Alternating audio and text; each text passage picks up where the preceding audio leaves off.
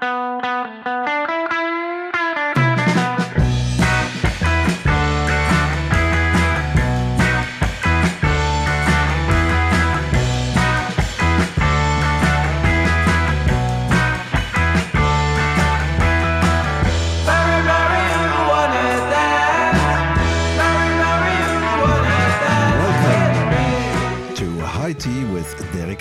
the first Dutch podcast about cannabis culture. My name is Dirk Bergman. And my name is Rens Hoppenbrouwers. We are happy and proud to have with us in the Tea podcast studio today Mr. Ben Dronkers, cannabis pioneer, founder of Sensi Smile Coffee Shops, Sensi Seed Seed Company, the Hash Marijuana and Hemp Museum in Amsterdam and Barcelona, Industrial Hemp Company, Hempflax, and uh, I think I left out even a few ones. Welcome, Ben, to the show. Hey, hello. Uh, you're a true original granddaddy of the modern cannabis culture, and you helped you helped start the hemp renaissance in Europe and beyond. We will talk about how you did that, about your life with the plant, and your vision for the future. And as always, we will also discuss the biggest cannabis news stories of the past few weeks. We will briefly discuss the failed attempt at legalization in Colombia, a call for an end to the global war on drugs by a group of UN experts.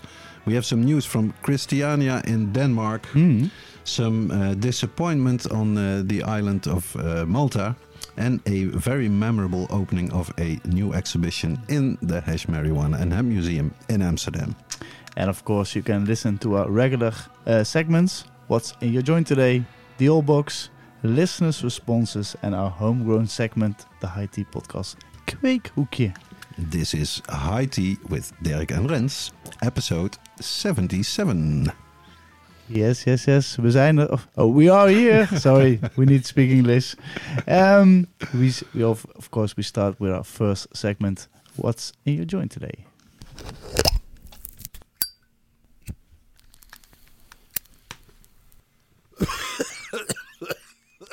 Wat zit er in jouw joint vandaag? And tradition and good manners have it that we start with our guest Ben. Ben, what's in your joint today? Uh, today I smoke uh, a mix actually. I put some uh, Northern Lights. Uh, I'm lucky to have the original Okay. because I find many times that in coffee shops they don't have the original, but what's in the name? And I mix it with some good Moroccan.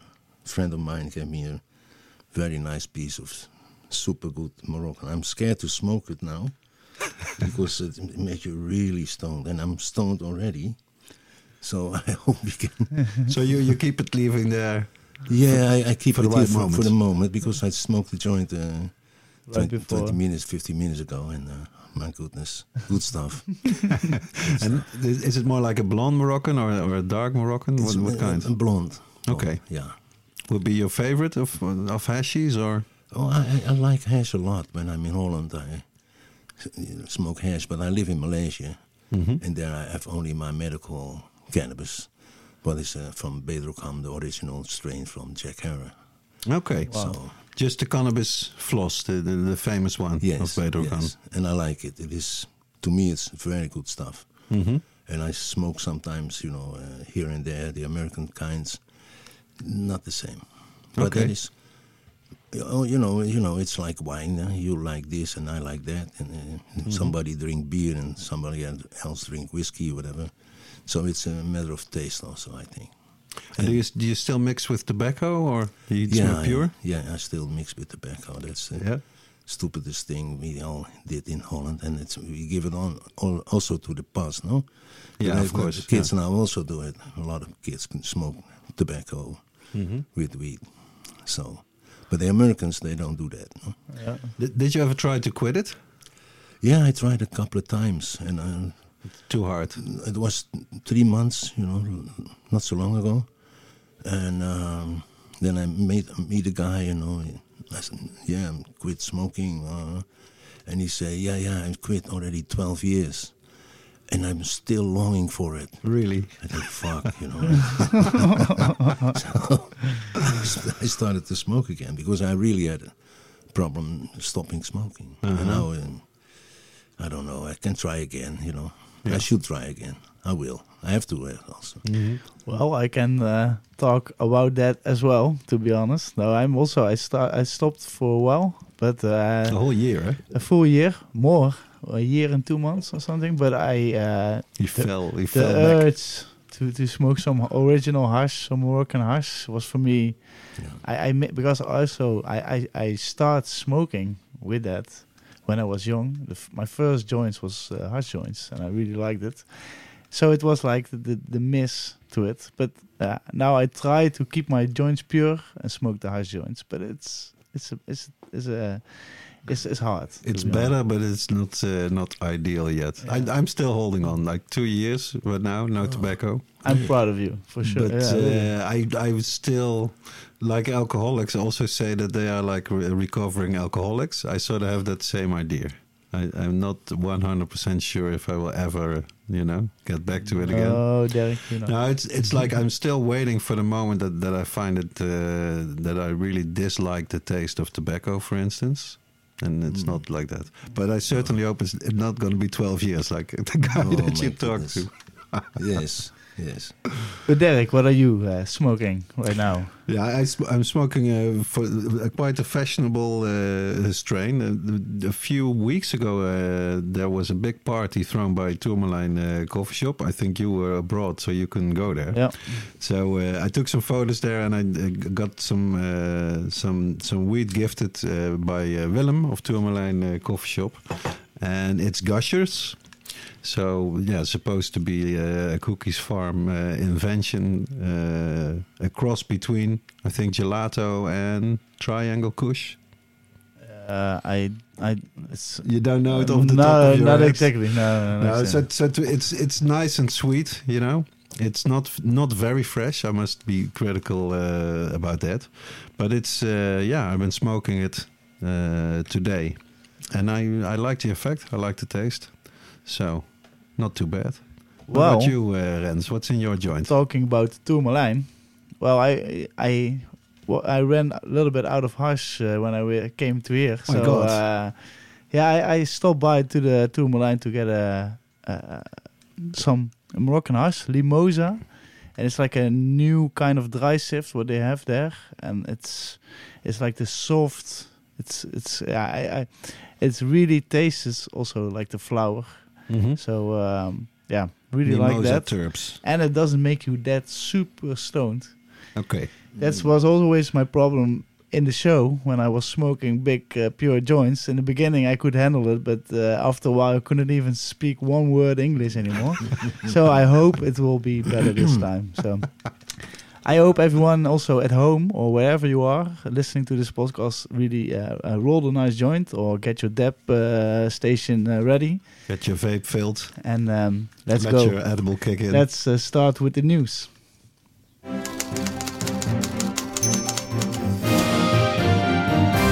I sometimes wonder, really, if if younger uh, listeners, if they recognize the sound that's in the jingle of the typing uh, machine.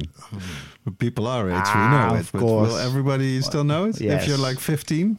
Yes, for sure. Yeah. Yeah, I think so. Okay, then I if don't worry. if you never if you don't know, please let us know. uh, let's start with the bad news. Um, the bad news from Colombia, where we, we were speaking about it uh, the last episode. yeah.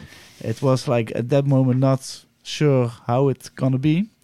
Where they attempt to legalize re- recreational cannabis, uh, and it, it failed at the very last moment. Uh, what went wrong, uh, Derek? It was something of a cliffhanger. In in Colombia, the law says that uh, to legalize recreational weed, you have to change the constitution, and to do that, you need eight different debates on the subject.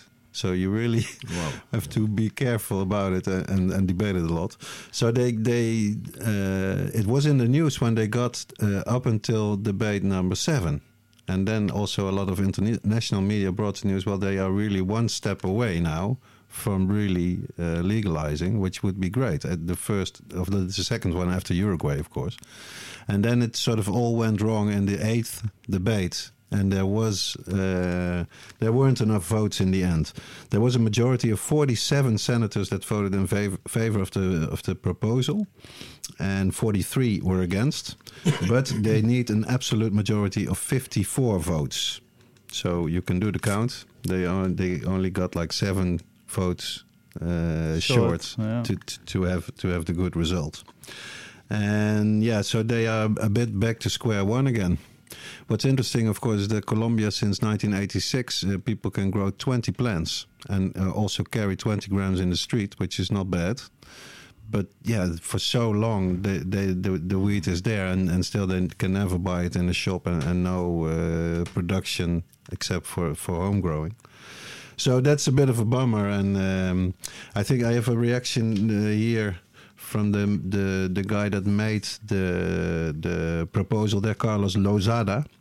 He said, We are sad but convinced that we gave it our all until the end. We never thought we would get this far. Today we have majorities. We were short seven votes. We have been in this fight for four years and we shall not falter in our effort to write a new chapter in the fight against drugs. So, yeah, it isn't over yet. And uh, we were very close. Too bad for uh, Colombia. Yeah. Let's hope for the best in the future. Um, I was really surprised by the by this headline last week. The UN experts call for the end to global war on drugs. That's really nice. I was thinking. Yeah, it sounds uh, super, but the impact uh, probably won't be that big. Um, it's a group of experts, mo- mostly like special rapporteurs of the UN, so they're not in the drugs uh, commissions or, or whatever. They are concerned with human rights. They sort of did the same thing uh, last year as well, also in 2022. But yeah, of course, obviously they are right, and um, so it's it's good that they that they make this make this call and, and, and get some press attention for it. But it's not like You don't see any positive news coming f- out of it. Mm, the, the UN, you can, can compare it like uh, to an oil tanker that has to change uh, direction. Direction. so it takes the, a long, long time and a lot of different campaigns and actions and, and, and press releases for them to finally do it. And and this is one of those small, smaller moves, but. Uh, you shouldn't get the impression from the headline that the UN now thinks that we should stop the war on drugs. We're not that far uh, yet. Okay. okay. Yet. Yet. Over to Denmark and the world famous free state Christiania. Christiania. Christiania. Sorry, sorry. City and state authorities have reached an agreement to close down Pusher Street. Tell us more, uh, Derek. Yeah, well, it's the sort of headline that you can see uh, every uh, few years. They're going to close down Pusher Street. For people that don't know Christiania, it's indeed it was an old military area that was um, that some hippies basically moved into in 1971. And famously, there was an article in like a, a hip underground newspaper in Denmark at the time that sort of said, if you want freedom, take bus 47 or something to the end, and then you will find freedom there. And that was where Christiania was. And ever since the start, people have been using uh, cannabis there and also growing it because it was just, yeah, like a free state. And now it's, I think it's the number three tourist attraction in all of uh, Denmark. A lot of tourists come there. And the problem with the the Pusher Street was like the, the, the one small street where people set up the stalls and and uh, and set up and and sold weed and hash where you could just go. And uh, over the years, it's been really taken over by like Hell's Angels and other motor gangs, and it's not like it used to be. The people that live there selling the hash and the weed, but it's other people from outside, and that brings violence and, and brings whatever. So we've seen a lot of these headlines that the police wants to shut it down, uh, the mayor wants to shut it down, the, the, the national government wants to close it down. But now it's also that the inhabitants themselves are sort of saying, yeah, we, we cannot handle it anymore. So it's a bit of a continuing story. And I read also a report in a Belgian uh, newspaper, De Morgen, that spoke to some people that, that live in Christiania for a long time. And they are at the conclusion that the, both the mayor and the people that live there agree on what the real solution will be is, of course, to uh, to legalize the cannabis. And then the mayor also wants to do a sort of an experiment, but he says, yeah, I can't get the authority from the national government. So that's the kind of running around in circles that we, of course, know uh, Yeah. all too well. So let's see if it's really the end of uh, Pusher Street or not. And if you are in uh, Copenhagen or near there, it's very close to Copenhagen, really on the outskirts of it. It's definitely uh, worth a visit uh, to go there. over uh, to Malta, and the, the legalization of cannabis in Malta is not going very well. Yeah, it's a bit of an uh, understatement, you know. It's uh, they got a lot of positive news about it, and I came across a column in uh, Malta Today, the, the, newspaper of Malta, and uh, I want to read part from it because I thought it was quite. Uh, it's funny and sad at the same time. Remember that time when uh, nearly all European news outlets made history by actually reporting something positive about Malta for a change? Namely that, to quote both the BBC and Euronews, Malta becomes the first EU country to legalize cannabis for personal use. And that was a headline from uh, 15 December 2021. No, of course you don't. How silly of me to ask. After all, that was more than 18 months ago now.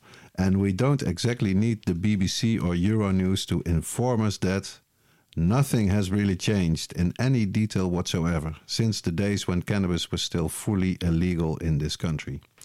So he, he goes on about this and he even says, and that's really very sad, that uh, now the, the police is even more active in going after the cannabis consumers while there is still no club has opened and it's pretty terrible. Uh, so yeah, I was planning to to uh, visit Malta this year, and I, I don't know uh, if it's going in this direction, whether it'd be worth it, because really at the at the, the beginning of this year, it looked a lot more positive with uh, the cannabis clubs opening up, but they are nowhere near to uh, to that. It seems if you uh, if you read this column. Then we go uh, to our last news uh, article, and it's from somebody who's sitting also next to me, so it's uh, it's cool. Um, a brand new exposition opened in the Hash Marijuana and Hemp Museum in Amsterdam last week. Yeah, I was there uh, at the opening. It was such a yeah, it was a fantastic uh, afternoon. I would say. Um, can you maybe uh, explain a bit about the, the, the the exhibition itself? It focuses on Japan.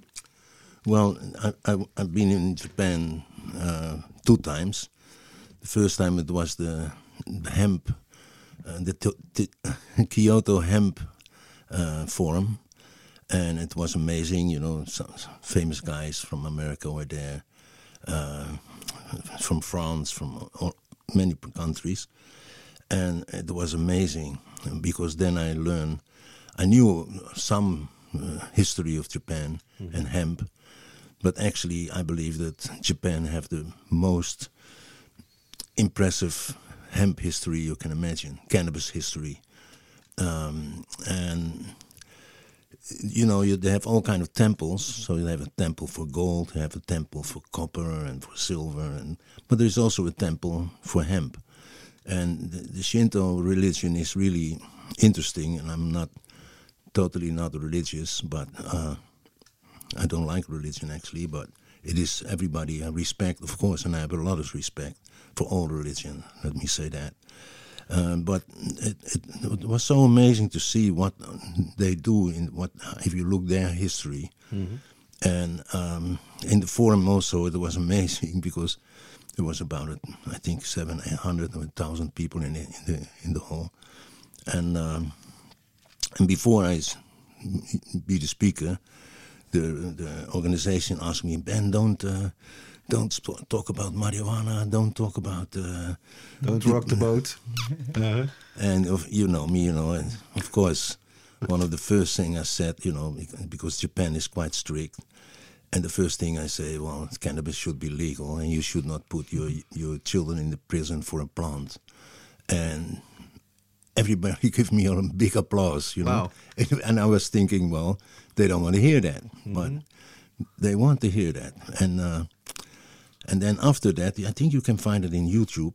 Uh, Miss Abe, the, the the wife from the Prime Minister Abe, the guy he was shot yeah. last year, two years ago, um, and this woman was there with the high priest, the big high, the big, the Pope, uh-huh. the Shinto Pope, the Shinto Pope. He was there, and the mayor of Kyoto was there. And the mayor said in the first place that he's wearing all hemp clothes and the high priest the same. And then Miss Abe gave a, a speech. It was flabbergasting, you yeah. know. and exactly what it was because their history with hemp stopped after the Second World, World War. So All under American. uh, the. American came, Yeah. and right away everything has to be forbidden.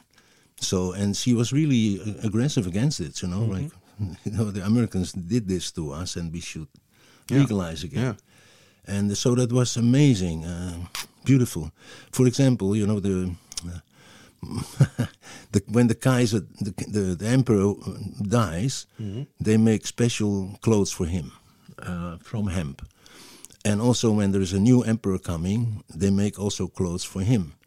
And that family who do that, the hemp, they have a not so big, but a couple of I don't know how many acre, um, and they do that already a thousand years. The same family, you know. So and it, it is such a every above every temple, like in the museum. Also, you should go there. You have also the, this huge rope on the top Yeah, yeah, yeah. and that is also a, a sort of purifier, you know, a sort of That's Uh, what they see. That the, is like the one of the functions also of hemp. Eh? That it purifies. It can purify yourself, but also like the, the environment and, and Yes. the room. And uh, the funny thing is, in Serbia, they have the same kind of thing. And Okay. also, what was it in Bologna, the church? Uh huh. In the top True. of the church, it's, is the protector. So it is, it is, uh, it is a spiritual plant. We know that. Yeah. So it was amazing, and the Japanese people also amazing, and they were so happy that we came and that we talked. So I, I went back for a second round, and it was again amazing. I met such a nice guys, and they had a test field. I have to tell you this also. It's sad, uh, and so I, I shouldn't laugh about it, but I was there with Paul Stanford. You know him. You know Yep. he's an American guy, activist from the first hour and he, he always bring a big bag of grass everywhere you go, plus a vol- volcano. Mm-hmm. So we go to his room, you know, and there's everybody sit there and we smoke, you know, and and he, you know, he wanted to give everybody something, and nobody wants something. They only they smoke, but they don't want to have it in possession because it's too strict. Too afraid of the But police. anyway, I go, I go to a test field, and the funny thing is, you know, like I'm not, I'm not religious or spiritual, but it, I had one of the most crazy uh, experience because I, I I dream the night before we go to the test fields, and I dream we are in a field with with Japanese, and it started to rain very hard. And I took my shirt out, and all the Japanese took the shirt out, and that's that was in my dream. So the next day we go to this Ai- Aikaido area there, and uh, first we go to a beautiful restaurant that is already 100 years old with a very old people working in it. This, you come 100 years back. Then we go to sunshine, beautiful weather. Uh-huh. We come to the field. I go into the field with uh, the professor there and another, a few guys, you know, five, six guys. And, uh, you know, when we came there, to start, it was bright and shiny to me, eh? but I, and we in the field and it started to rain. And it rains like really rain. Cats and dogs. And I took my shirt out, and I said, "It's in my like in my dream," and they did. They took the shirt Wow. out, you know. So that was really for me an experience. The guy who do that, did this test field there, he's about 35, 36. and I say, "Ah, you smoke?" No, no, no, no, no, no, no, no, no smoke. Two years later, on a, one and a half year later, I hear the news. He was busted with 20 guys in this cabin where I've been. There, Uh-huh. he got a cabin there on the field, near the field. He was busted smoking together, and but at least with the professor, he's a very uh, retired guy, and he's very famous because he breed special rice. Uh-huh. Um, but you can also grow when it is the, the, the soil is salty, um, brackish you call it. Yeah, yeah. And so he's very famous and honorable. So he, he managed to go on with the project. Uh, but Japan is so amazing. It was, it's uh, yeah. And such a paradox to have that so ingrained in the culture and still Yeah. be so so strict with Well, just they couldn't they couldn't take no it out. use, nothing eh, in Japan legal. No, no Yeah, not nothing. that I know. No, but they they work. They try to work on it. And the, the the crazy thing is, Abe, the prime minister at that time, uh, I was there also with Paul Benhaim.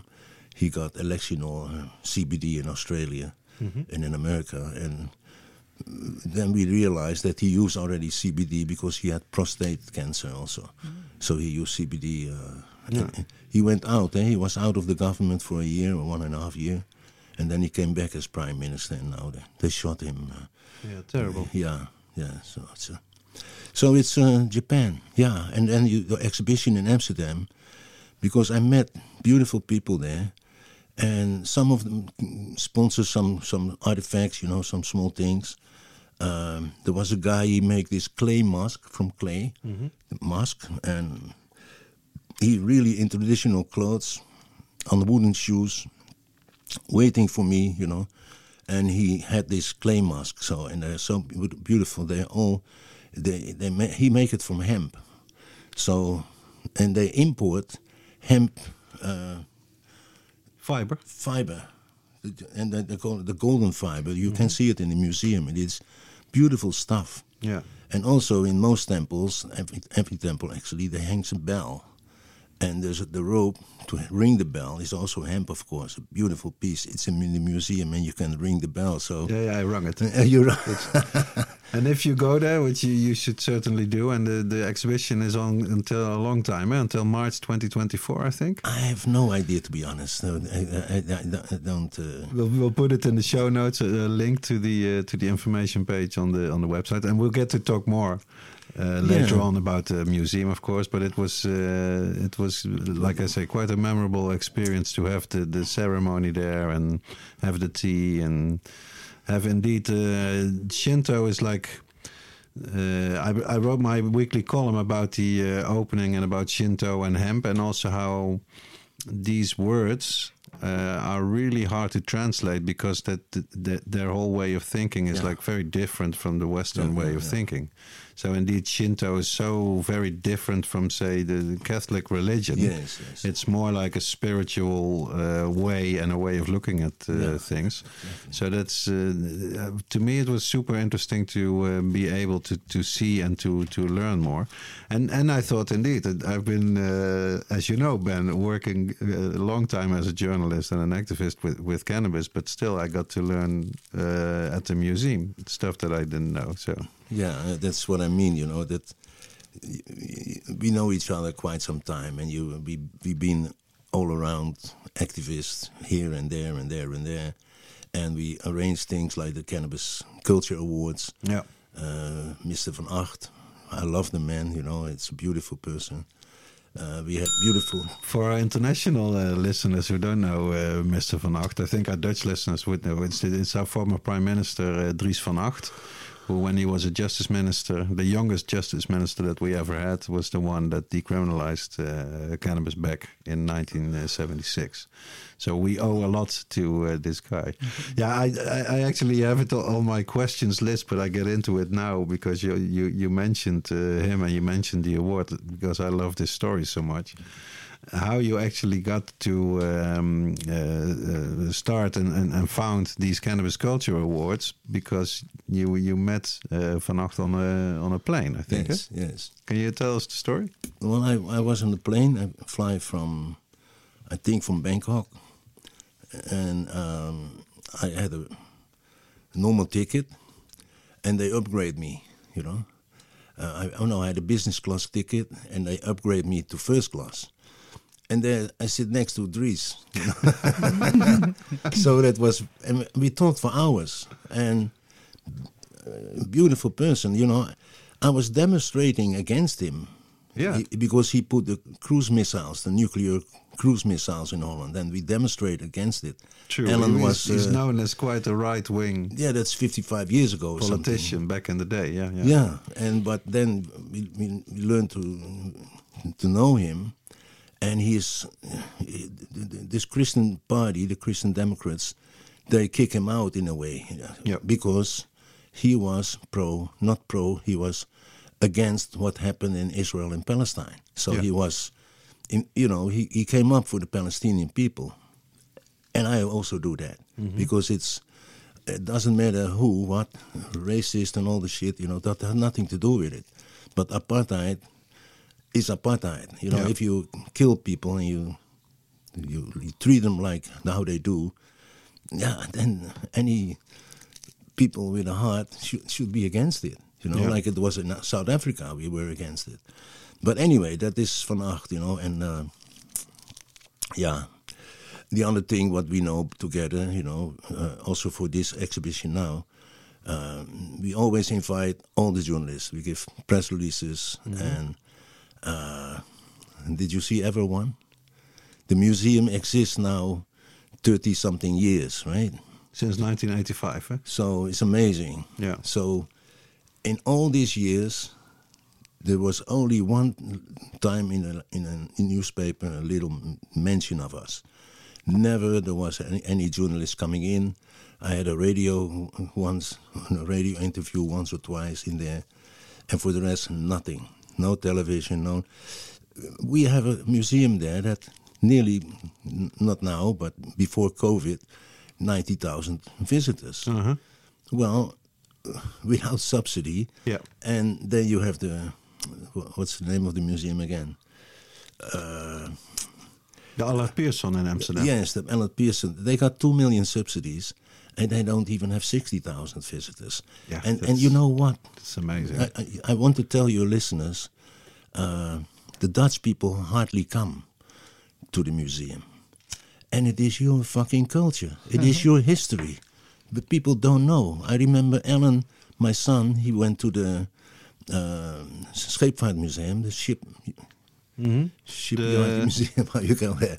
The Maritime Museum. Yes, I think you would call it in Amsterdam, yeah. and he went there and he, he was interested and then he see the ropes they were made of flax everything and the sails were flax so alan was 17 or what and he go to the, the i asked where's the director the director came he said that is not flax that is hemp Yeah. and the, the guy was angry you know he, to alan what the fuck know uh, and he scolded alan and alan go out but a year later, somebody go, went back. Now it's hemp, you know, because people don't know. It's true. They have Yeah. you guys at home, you know, you learn so much, and if you like the plant, you like the history because it is so fascinating. You know, it's now about Japan, but in the museum you see things.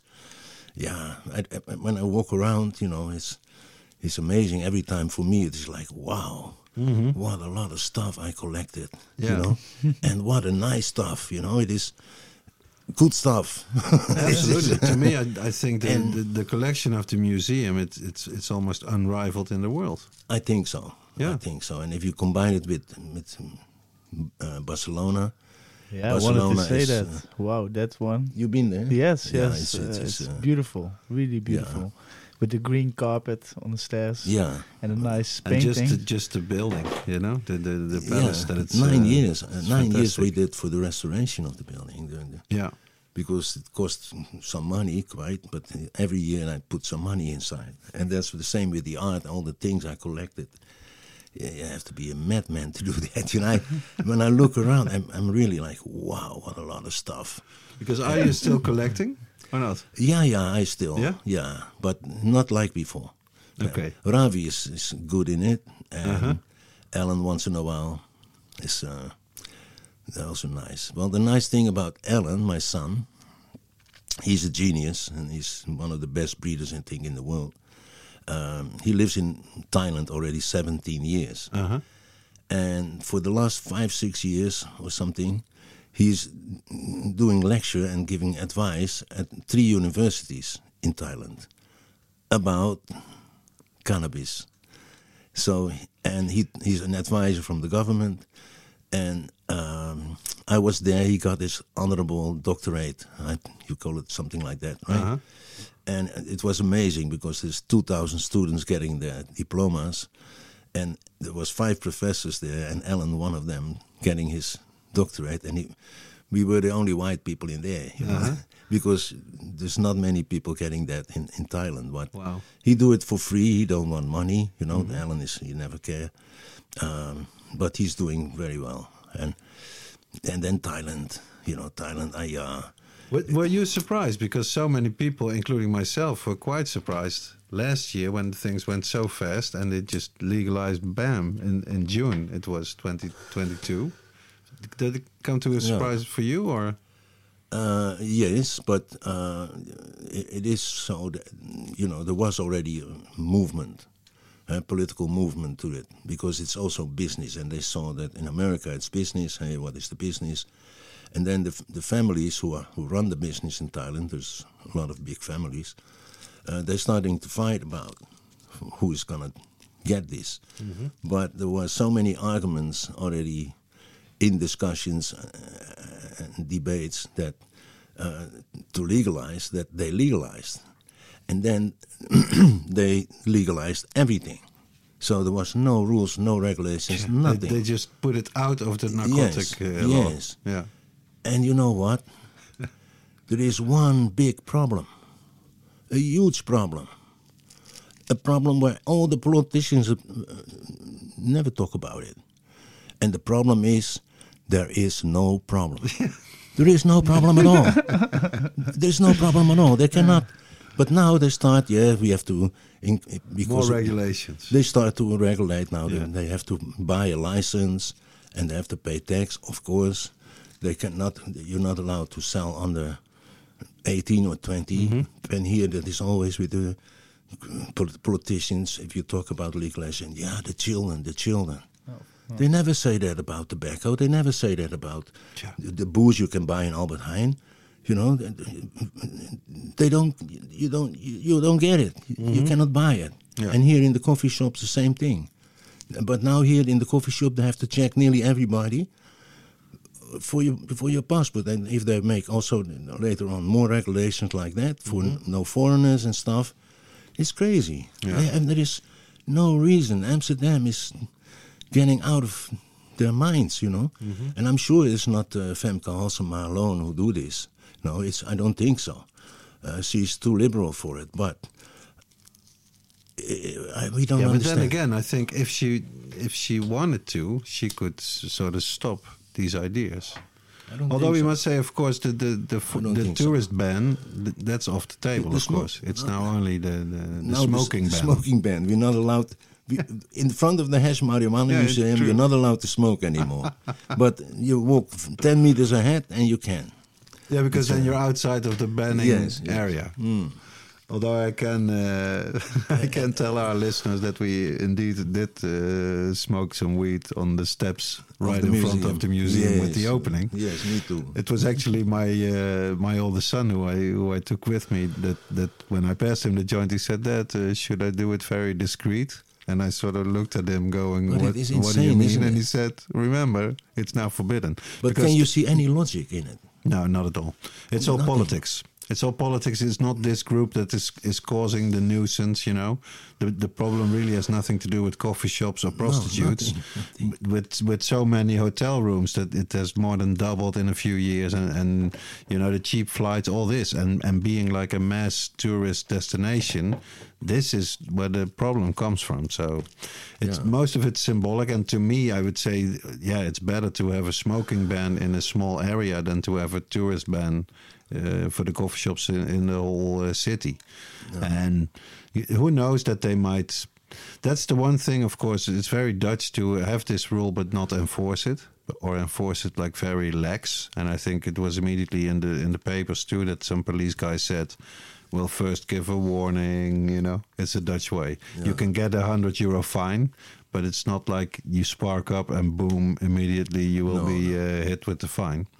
But it was, uh, But maybe, maybe you remember, I don't know how many years ago, 10, 15 years ago, the VVV, the tourist organization Uh-huh. in Holland, did a research in all the countries what tourists like from Amsterdam. And of course, you, you know, you got the Van Gogh Museum, the Rijksmuseum. But what the, number one was the coffee shops. yeah, Too bad it was not the hash, hash marijuana museum, but it was the coffee shops. And after that, I think third, fourth place was the Rembrandt, uh, the uh, Rijksmuseum. okay, So, uh, you know, and but they didn't want to know it, so they didn't publish much of it. yeah. You know, I, I saw it. I, I think from Fromberg, the guy from the. Oh yeah, yeah, I remember him. Yeah, yeah. It's they should be they, they should be happy, and I think if we look back on this period, they they will they will see what, the hell they were doing now. It, really makes no sense. Now they also do something what I really is they closed the the the gracht. And so if you walk in the Oude Doelenstraat and you go, want to go to the museum, seven o'clock in nighttime they put a fence there. So you know Really? you, there's a one way street now. Wow. So you have to go on the other side from the museum in Uh-huh. to see the prostitutes, and then go around, and then you come to us, and that is so stupid. Yeah. But they want to regulate the, the, stream because it is It's busy, huh? very busy. Yeah. But now, you know, 70% sure, 80% walks around and Mm-hmm. they're not passing the museum anymore. So it is for the museum not so nice. Yeah. and then there's another thing what is really happening, guys. I have to warn you. There are two uh, tourist traps cannabis museums. I Hmm. think one in the Dam in the Damstraat. But it is really, uh, yeah, Not worth your entrance fee, no. maybe. Well, the- I must say I haven't visited the one. Me because neither. I No, had sort of me, this. too, me too, but I hear that they give some information, but it's all uh, posters or whatever, Yeah. text and, and photos.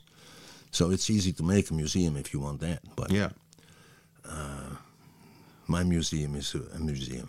Go to the original. That- It's a real museum. that is what it is. Yeah, With it's a true. History that never told. Yeah. Let's uh, let's Yeah, we- dive deeper in. Yeah, we, uh, we slide it into the into the interview already like that. Oh, I'm sorry. Yeah, no, then I no, like no, that. I yeah, like that a lot. It's a, it's perfect. Uh, we always uh, like to uh, uh, ask our guests at the show uh, how their youth was and how Yeah, they to the first roots. first con- first uh, meeting with the with the herb. Yeah. How you say that? Well, I grew up. My uh, my mother had a fish and chips sh- Uh-huh. shop, candy shop, uh, and she had a small cafe, and she had a small grocery store. Uh huh. And my father was a Stiefbeen en Zoon steptoe and son. Uh huh. Um, how do you call that? A seller of everything. a seller of everything on the market and Yeah. you know every second hand. But um, And this was in Rotterdam, eh? in Rotterdam. Yeah. And he collected also paper and boxes. So I remember many big garbage uh, cans. I he'd lift me in to Uh-huh. get the paper out. so I'm I'm really coming from the garbage, you know, the Uh huh. but the lowest of the lowest, but the best learning school I had because my father was a beautiful man, and uh, yeah, my mother also. So the the business wise, I learned that from my mother mostly, but also from my father on the market. For example, you know, we have their mattress. He sold an old mattress. You know, you cannot imagine now; it's not allowed, of course. And he had a mirror, you know, and then the whole day we had fun because if uh, somebody asked how much the mattress, he said, ah, 10 gulden. Only one person die in it. and then somebody asked for the mirror, ah, 5 euro. Only two people look into it. so he had a lot of humor Uh-huh. and passion and empathy because if somebody no money, you give it for free or for very cheap. And uh, my mother the same. So they, Was it like a big family? Do you have a lot of yeah, brothers and quite a, sisters? quite a blo- yeah, we, had, uh, we were with eight together. Okay. So and you were the younger one, the older one, in the middle. I had older step brother and sister, five, and then me came as the first from my father, Okay. and then and one sister and one brother. Uh-huh. But uh, yeah, that's where I come from. And what else you ask me again? Your first meeting with the With the joint. with the joint with weed. Ah. With you remember that? Yeah, I remember that. Uh, it was the guy named Jack. And It's there was always a- Jack, eh? so, No, no, it really was his name, and uh, he was um Moluccan, Indonesian Moluccan, nice guy. And there was another guy what I don't remember the name of, and we used to go to a place called Anna on the Northern Island, and that was a nice bar, you know, small place, and no money. So we, you, you could buy one cola and then stay the whole night. um, and then we walk over the bridge, and then this one guy he said, "Yeah, I got some hashish." Oh, what hashish? What is? I've never heard of it. Uh, yeah, well, and then he rolled a joint, and we sit on the middle in the middle of the bridge. You can sit there, and we sit there and smoke the ears the first joint. They got stoned, you know, and I think. I don't feel nothing. What, what are you talking about? it didn't do much. So, So, the classic first experience. Yeah, Nothing happening. nothing happened. First time. Yeah. I came back and we tried again, and yeah, well, then you get it, and then yeah, it's, it's amazing. So that was the first time, and I was not yet 17. Not yet, yeah, just 17, not yet. Oh, a beautiful age to uh, have your first uh, first time meeting with a joint. Yeah. Yeah, well, it's quite late, you know, but you know, in those days, there was not so much. Mm-hmm. And it- Not many people smoked that time. You decided to go on the merchant uh, on a merchant ship, work on the ships, Yeah, being from Rotterdam. yes, because my brothers, uh, three of my brothers did that. Uh-huh. So- what, was it like? Oh, it was amazing. It was amazing. but I'm, um, you, you wouldn't know it, but I, I can be quite lazy. So on the ship, I was also, but I have to take care of 11 cabins from this crew, drinkers. So every day there was one of the, the, the cabins was totally messed up. And I have to work like shit, man, from five o'clock in the morning to eight o'clock in the night every day.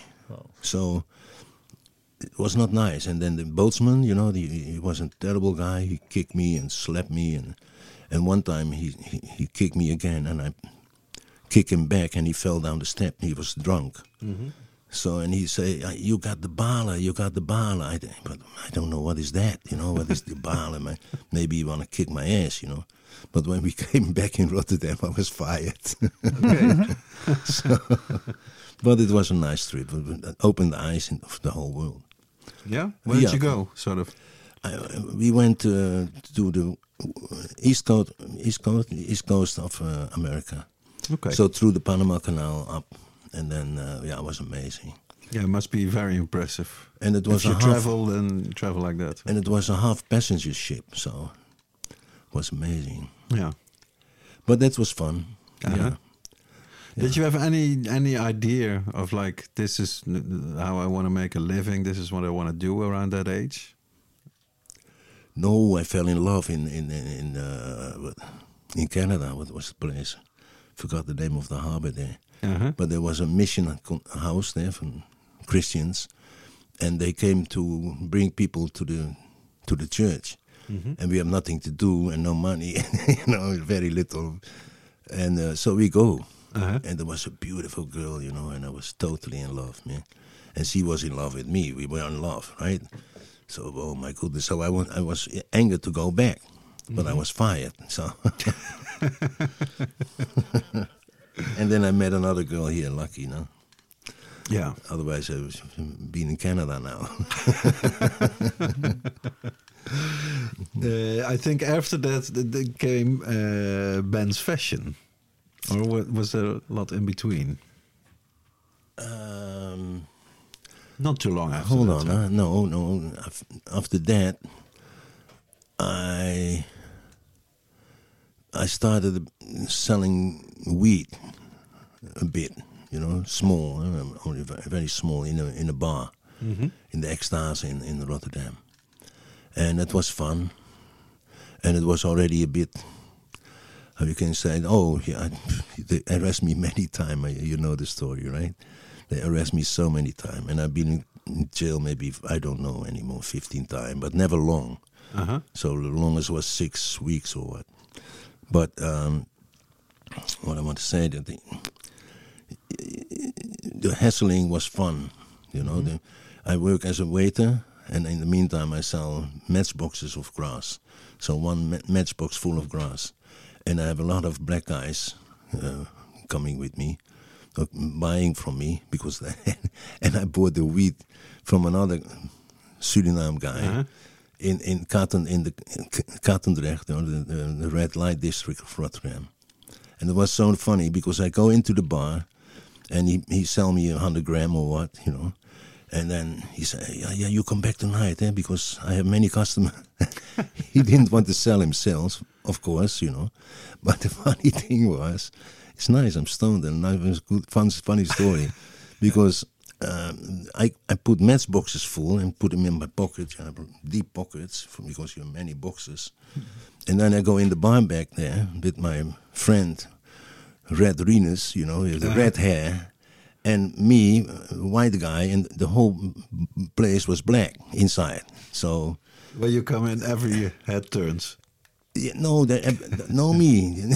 What happened then? Then he he say Ronnie was his name, Ronnie's place, and he say Ben Ben come, I have to go to him to the kitchen. I give him the box.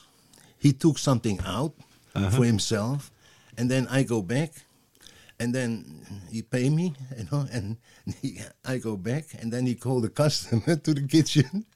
And sold it to the customer, but with every box he took something for himself out. That's Commission. the system. Yeah. Well, he was, of course, he was, he was a famous guy because uh, I think he had three or four girls working for him there as well, and so they, he was very cautious because Uh-huh. they didn't like him, you know. Yeah. So, and of course, they knew they smoking there, uh, but the, the place was full, and, and everybody liked me. And I like there where I learned Otis Redding, I learned the soul music. Um, beautiful, good time, good time, good friends, very good friends. Mm-hmm. Yeah. And, and was this?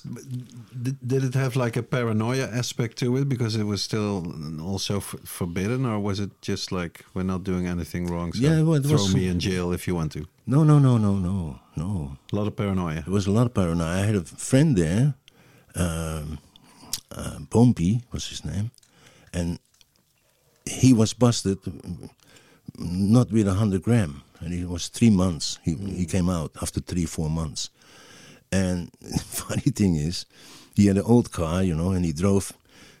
Katendrecht is a red light district. You have only one way in and one way out. So you, this, you, have, you, when you go in, you have to come the same way out. And this Boompie, he go buy his grass somewhere in Katendrecht, and he, he, he drove back, and he's, but he smoked first, and then the police hold him. And the police, he, he see, opened the window, and he say, uh, yes, sir, what do you want? Can you show your driving license? And he said, Ah, you don't want my driving license, you want my weed. and he gave the weed to the policeman. So stoned he was. but he, they took him to the police station there and they let him go. Because it was so, they, they, was, they were really surprised that they asked for his driving license, and he said, "No, man, you don't want my driving license. You want my weed." and he gave it. but a beautiful, a long-time friend of mine. He's amazing, Uh-huh. amazing, beautiful. Yeah. When would you say is that?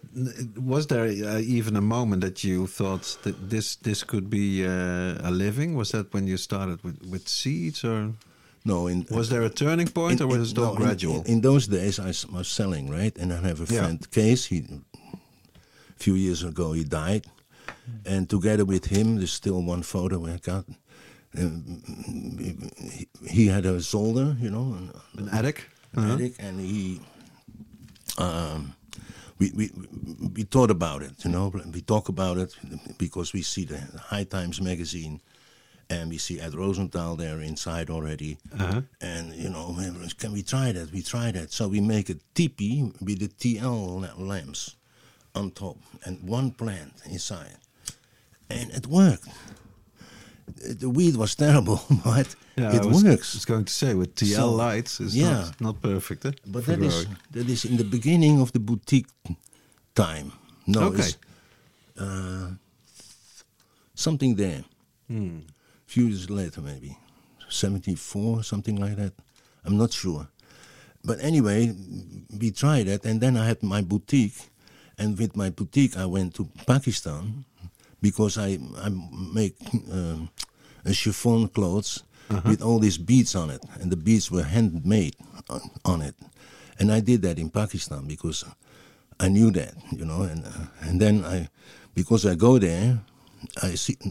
Well, I have to tell, forget to tell you, I go there for the for the for the hash, you know. I want to see. Not, not so much for clothes or no, fashion or no, and the seats, and so Yeah. already, and then I think, you know, then I saw the for the confession, and also the, then I start to do that. But Okay. um, every time I have to go there, I have to stay there three months because they do the beadworks and the the the, the, the, the sewing itself Uh-huh. we did here in Holland, but all the beadworks were done there. So I gave them the pre- patrons, and then so I stayed there three months to pick it up and go back. And I go to the smoking places, of course, and to, with the farmers and all these things. It was a lot of fun. Yeah, great. A lot of fun. Because how did you uh, how did you go about doing that? How do you if you are there? Is it was it easy to find these people and to visit the farms or? Yeah, you, well, in Easy, yeah, you, you, you know, you pay the taxi driver, you ask around, and then and the taxi driver asks around, and then you pay money, and they bring you there.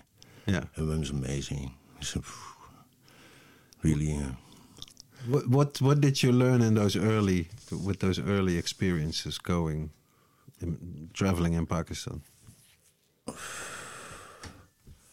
um, well, like I said, in the first place, I came, I came there for for hash, and to see if any if can bring any hash from Pakistan. Well, that I didn't do. You know, it was the control everywhere is too much. So even for a small piece, you have to be very careful. And then for seeds was no no problem. But um, so the hash didn't go through. But Could only smoke it there. and then I had the seeds, and then I came back with Kees. Let's try this, and Ah, then okay. the, the the real good Afghan came out, Mm-hmm. and uh, that was amazing stuff. We still have it. Shiva Shanti is the name. Okay, Yeah. it's one of the very early Yeah. original ones. Yeah, Uh huh. and it's nice grass, Uh huh. really nice. So it, you know that, and from one come to the other. Mm-hmm. when you know uh, right away I said, why don't we try to find a greenhouse? And of course, it, we only rent, no.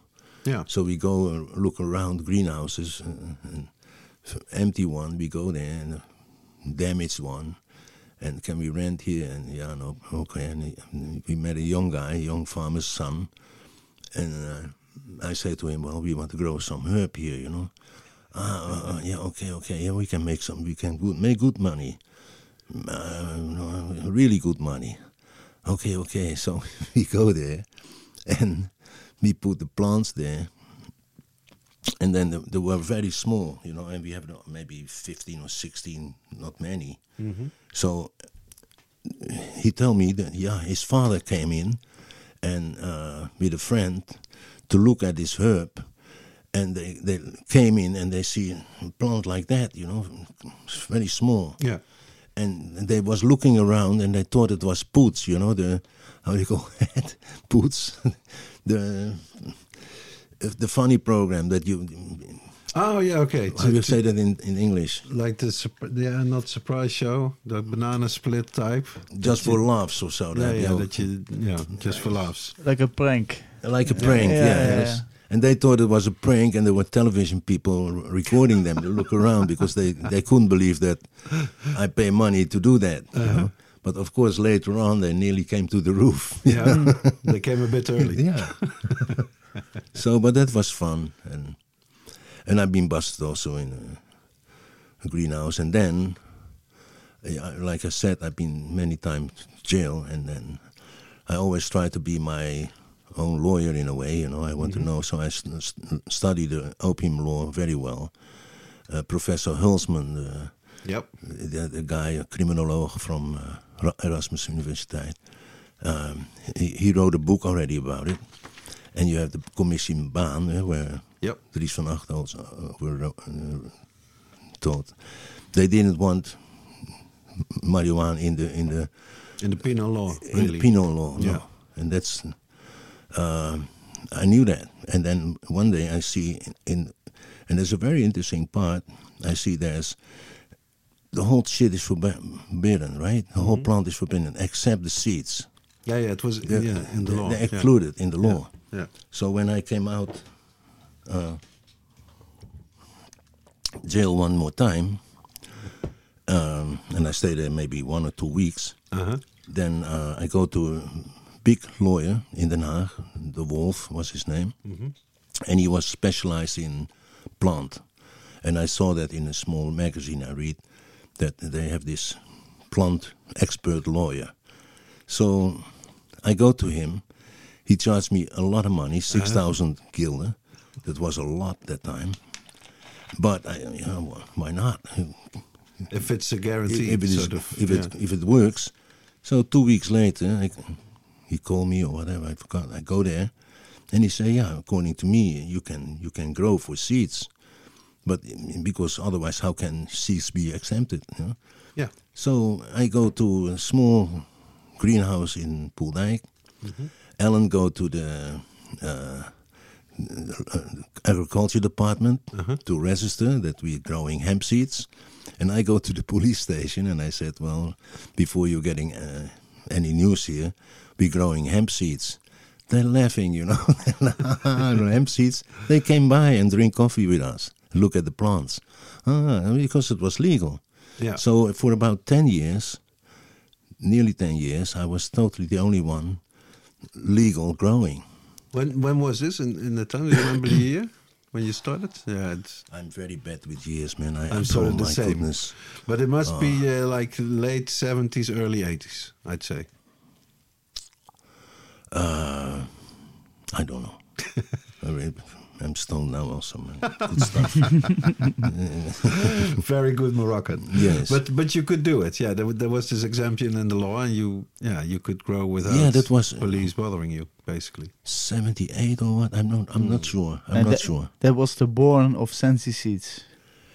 Uh, Or Not yet. not, Not yet. yet. No, Oh, not, oh. no, not yet. we, we, we grow seeds. Yeah. Let them check it, but they didn't. Nobody can. Yeah. So, uh, yeah. well, anyway, I, uh, what what I did do is I tried to keep it legal. Everything that that I realized then, you know, that if you hustle a bit, you sell some hashish or weed, you know. Uh, yeah, you hustle a bit, but now I see, hey, this is a real company. This can be real. So, Yeah. and I did everything real, you know, the tax, the whole thing, everything. I, every time I go for a license, we still have a license, Yeah. uh, and that's uh, that's important. And then you cannot grow grass, you know. Too bad. no, too No, bad. But you only for seeds. Yeah. no, but you know, we have so many people working now. You have your responsibility is Mm-hmm. uh, is high, so I, we have to be very strict for the people who work there. Yeah. But uh, yeah, also for myself, Mm-hmm. of course. And say at what at what time sort of you started meeting people like like Ed Rosenthal and, and Jack Herer because I think they also played quite a big role in how how the company developed and also uh, with the, starting the museum in '85. Well, when I opened the seed shop, uh, I was the first seed shop. Huh? This didn't exist anywhere. Yeah. Not that I know. In Amsterdam, eh? No, Oh, in Am- Rotterdam. Yeah, no, in Amsterdam. yeah, in Amsterdam. In Amsterdam. And um, then I knew Ed already because he knew also that uh, that time at the coffee shop thing, you know, he he, came there. Mm-hmm. he, he wanted to meet me, so that was nice. And he wrote a small article about me. Um, and then I started uh, this shop, the seed shop, and next door there was an empty place, and I was talking with Ed about making a museum. But Ed is Ed, you know. I had many fights with him, but he's always my friend, you know. Um, and, and he started with some other guys from the coffee shop on, uh, across the street because they paid him fifty thousand guilders for it. Okay. So, and in the meantime, I, I had the shop next to it, the seed shop. So for me, okay, but it was the Cannabis Info Museum that time. So mm, the next day, right away, they were closed. So they want to get out. So I bought it. I said, okay, I buy it. You know, from the from the coffee shop people. So I paid them the money, and we we go on. And the next day I'm open again. So.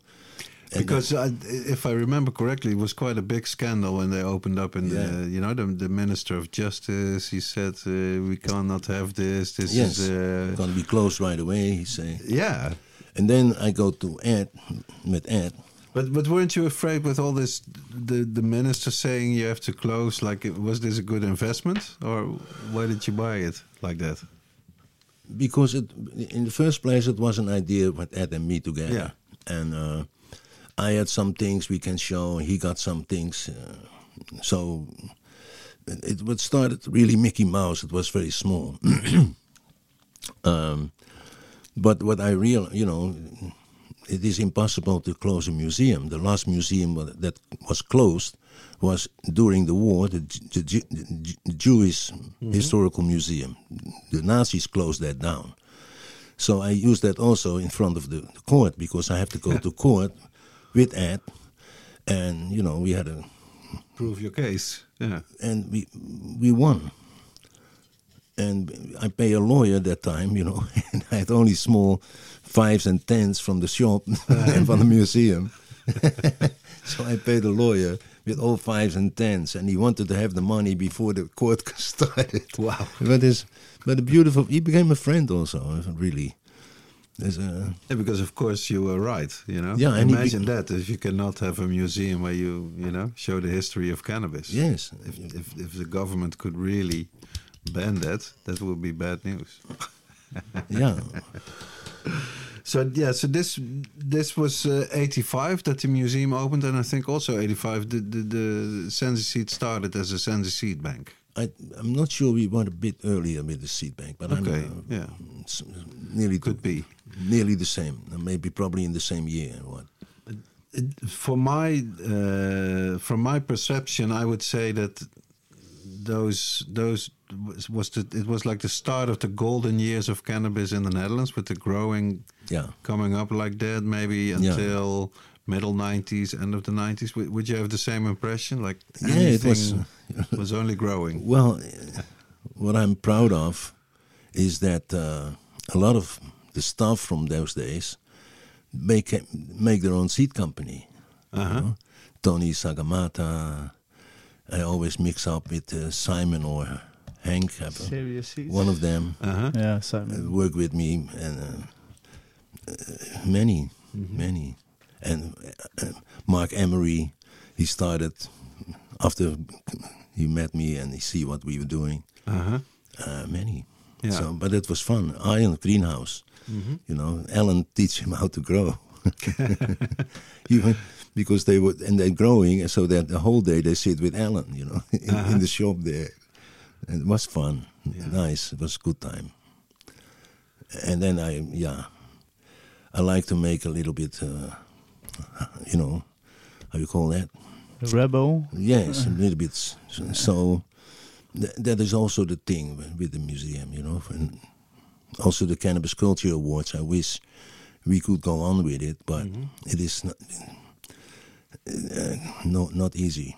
Not easy. Uh, like you said before, eh, it's it's it's very frustrating if you see that that bigger media, like mainstream media, they hardly cover it, if at all. Yeah, Whereas, like almost any small grower that is busted and the police give out a press release, they put Yeah, that yeah. in the paper. Yeah, You know, Oh yeah, but I, I had That- them a few times. Terrible. Yeah. That's why you know I was always uh, an activist, so I go to meetings where there was some drug policy spoken or what. yeah. So one time I go with Alan to the, the Den Haag because you had there a group from the Christians, uh, Christians uh, drugs against uh, Drugs against Christians. Can you know? Can you know? C- cities, city, nice cities Okay, yeah, and, yeah, and, yeah. and the cities that what they did they go to a city and they convince the people there never to discuss cannabis. That and drugs. We, we don't. Yeah. talk about it. And they had already a few cities so uh, we read about it in the paper and so we go there.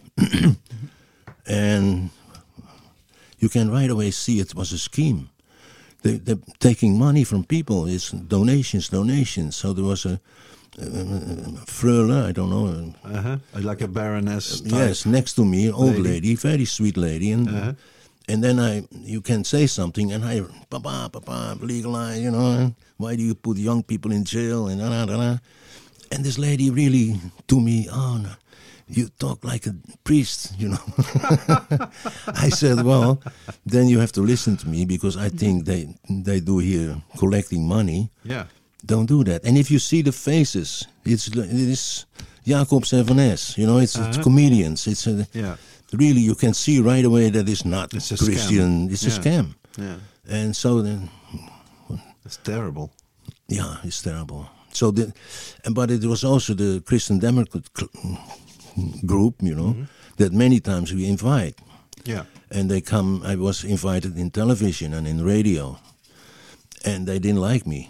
One time I was in Spijkers met Koppen, you know the Uh-huh.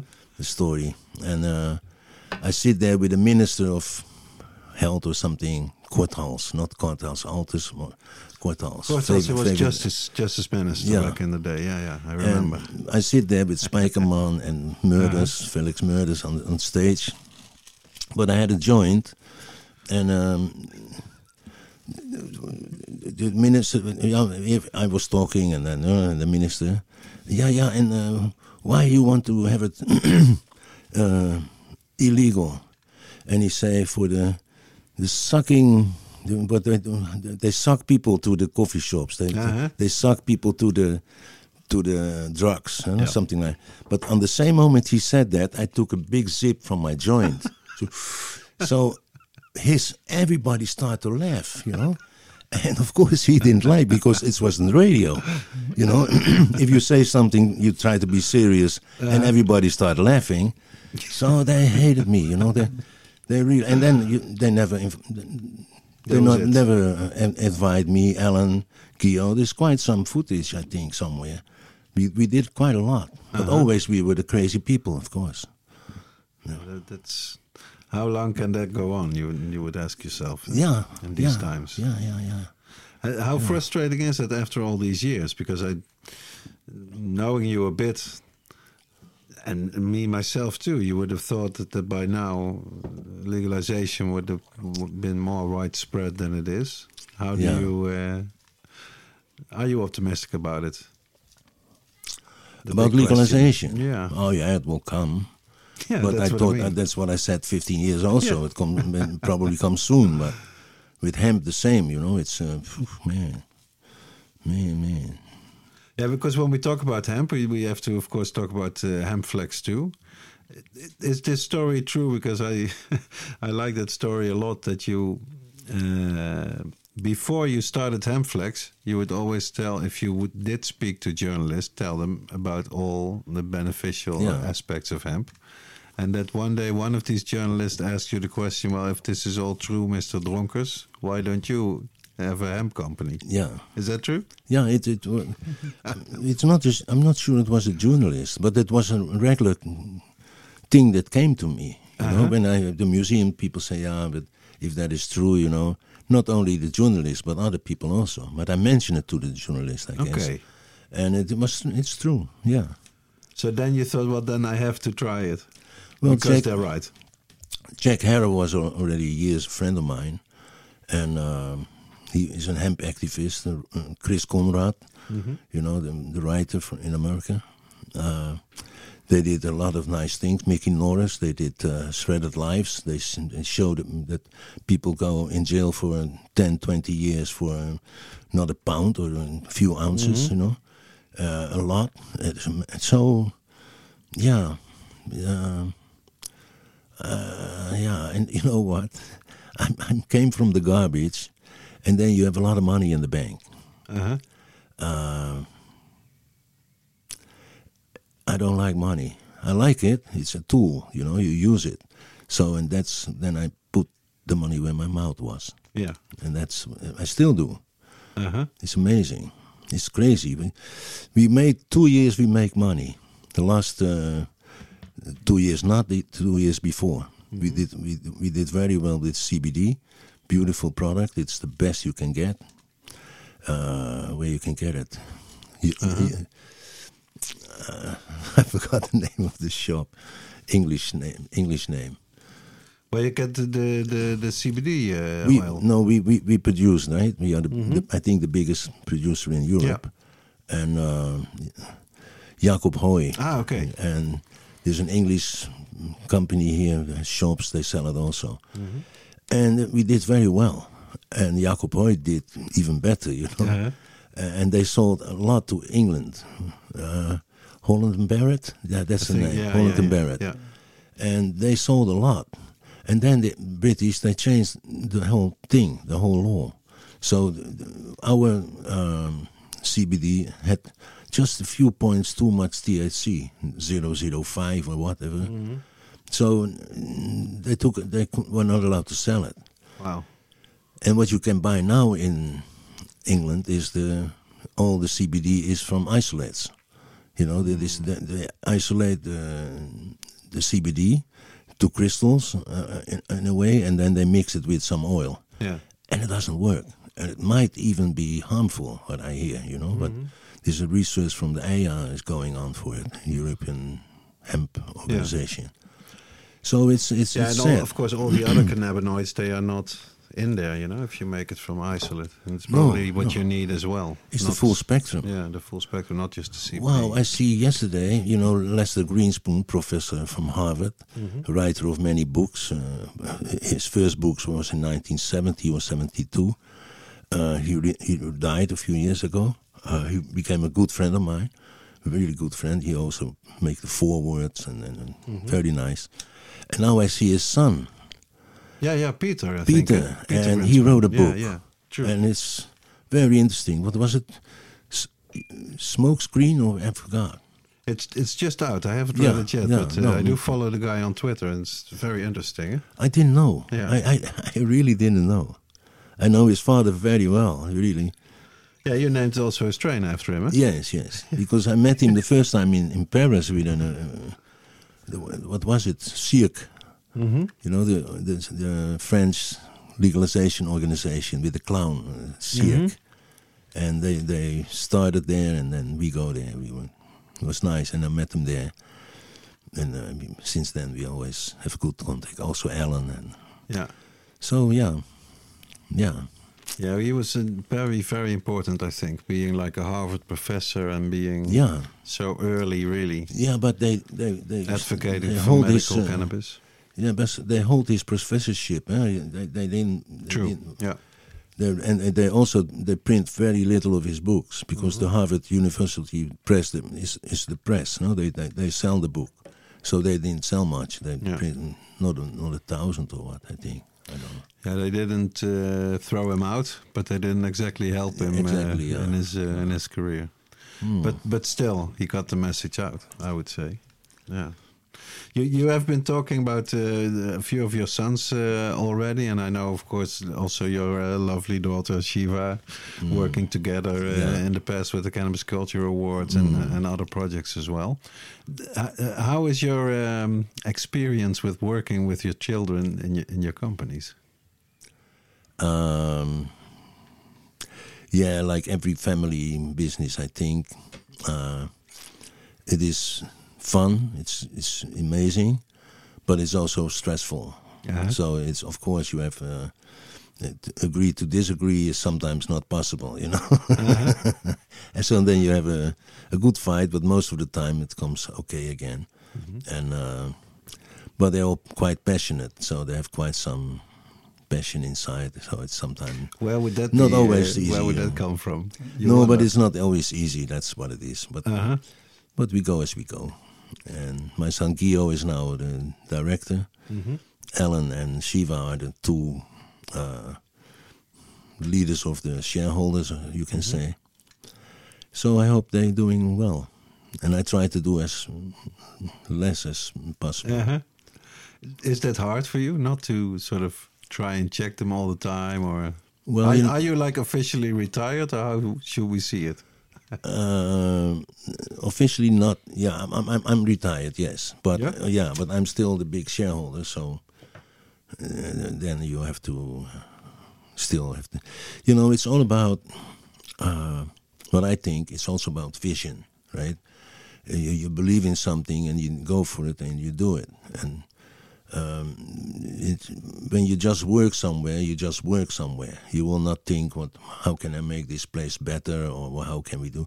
Some people do, but as as the leader, you have to find a way to to do your things, and then you have to see the, the, the future, like what you think it can happen.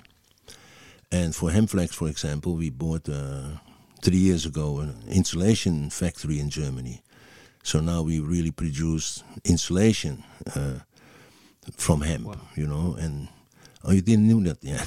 No, no, I knew about uh, Romania Oh, project. it's beautiful. I can show you later. but Germany, I didn't know yet. Yeah, yeah, it's already three years, and now the big company from somewhere want to invest also in it. I cannot say much about it yet. So So because I do have that impression that because of all the debates around uh, durability and uh, you know CO two reduction, uh, it's very uh, topical in the Netherlands, of course, and all the debates about and the angry farmers. That because of all this, hemp now finally, finally gets like the real chance well, I, I can tell you something. for building, you know, durable building. Yeah, we have a, this new book, eh, the, um, Weed Won- Wonder, Weed of Wonder. Weed of Wonder, and uh, it's a Beautiful. beautiful book. Yeah. I think so. Yeah. So I sent it to all the journalists, of course. I sent it to the whole parliament, 150 people in the, Uh-huh. and then the first and the second chamber. So then I sent it to the city council here in Amsterdam and in Rotterdam, and I sent it also to the banks, of course. And believe me or not, the ABN AMRO, who is our bank, I'm there already since '72 or something. Um, we cannot borrow one dime. We cannot. But I send them the book, you know, and they have a special director for sustainability now. So there's a director for sustainability. I send him the book. He sent it back. Can you imagine? Wow. In the Rabobank, another nice bank. Uh, I don't want to say nothing wrong with it, but they have a, they have a magazine for in, internal. I think the, the Rabobank magazine, and in there Hempflax and hemp is is fantastic, fantastic Hempflax and the name, everything there. And but we cannot borrow one dime. the the Green Deal in in uh, European Commission hemp. We have to do hemp. We have to do hemp. United Nations hemp. This also. I think look it the, up. the European Union, uh, they are onto it. On their official website, Yes. uh, they they have all all the good things about growing hemp, and they're Yes. very positive about it. But for me, they they took all the subsidies away that the Yeah. farmers had before. True, Uh, they and changing the rules now in the Netherlands as well, eh? by calling it like a winter. Uh, a winter thing, Yeah, and then you have to harvest it before, Before, a certain oh, it date, is- and it doesn't work with hemp because you have to leave it on the field. you cannot. Yeah, so it's maybe it's more talking than than, than action, but I, No, no, but I did I did think it was quite remarkable that it was on the European Union website. we have uh, we have insulation. That is amazing. The stuff, you know. Um, it, it, it, it, it it cools your house if it is hot, and it keeps your house warm when Yeah. it's cold. And it is amazing, especially for heat. It works even better than for cold. But it all, is concerning the rules and regulations what it's supposed to do, mm-hmm. and that's amazing. And now uh, another insulation company who make a lot of insulation, they're interested to invest with us, and they pr- produce glass fiber, rock wool, and something else. Uh, I don't forgot. A- And that is actually poison. It's- Absolutely, yeah. It is absolutely not durable, absolutely not sustainable. You know, you see it in the, in the, the, the, the rock wool is also, it's like, I cannot say, but it is not healthy, let me put it this way, because these people will be angry and I, when I Yeah. tell them the truth. But they will sell with us more, insul- and I hope they go for more hemp insulation factories so then Uh-huh. the hemp can explode, what I was waiting for uh, 25 years. You know, that we thought, that, oh, now it's going to happen, now it's going to happen, and nothing happened. The I same the thing same with thing. the carbon credit points, you know. Mhm. Uh, people don't know, but um, polluters have to pay to the credit funds, and and cleaners like us, we got credit points for the hemp that goes in insulation, Yeah. Uh, only in insulation. So that is amazing. And what we found a company that put 6,000 solar panels on the roof in Pekela. So we got 6,000 solar panels, and the whole machinery, the whole factory runs on Wow. solar. So we have the, the only uh, uh, akkerbouw, what- how- agricultural uh, plant growing in, in Europe, except th- there's two there's bamboo and then there is hemp, and no insecticide, no pesticides. It's the most sustainable crop you can have Yeah. and it is beautiful for the soil. And yeah, well, uh, there's always what to say now, but it's not easy. In if you if you really go into the deep, then we want to be gnomes or kabouters, you know, then it's Uh-huh. that's not possible. We cannot change the world that much, but we could have done. You know, we could have, if they didn't go for the plastic industry in 1928 or what, what 38. Um, then they could have gone for hemp already that time. And in the museum, you find also the American Science. What is the name again? Something like that. Yeah, the, the article that it, it's like Yeah. the, the billion dollar crop. Exactly. Yes. Yeah, and, and they knew all these things. They they Yep. knew they can make Yep. plastics and they can make cars out of it. We sell our fiber also to Tesla, by the way. Really? Yes, yes. Not so much yet, but Hey, it's a start. I heard Yeah. stories Yeah. about BMW also using yeah. hemp. Uh, we have uh, already, I think, 20 years we sell already to the automotive industry. yeah, s- Yeah. that's super cool. Yeah. Barely nobody knows that. You know. Yeah, and it's hemp uh, not entirely grown, but most of it grown in the Netherlands, eh? All Yeah, we, the we grow in, in the Netherlands and we grow in Germany and we grow in Romania. Okay. We have also a small factory in Romania, well, small Mm-hmm. factory. Yeah. Yeah. And is it true, like that you you cannot, because of the law in the Netherlands, uh, produce the CBD oil from your own hemp, and you have to export it outside the Netherlands to make CBD oil from it? Yeah, well, we have hemp also in, in, in, in Germany and in Romania. Okay, so then you don't have to do it, we choose the best and then uh, that's we extract in Germany. but you cannot really extract it here in the Netherlands. No.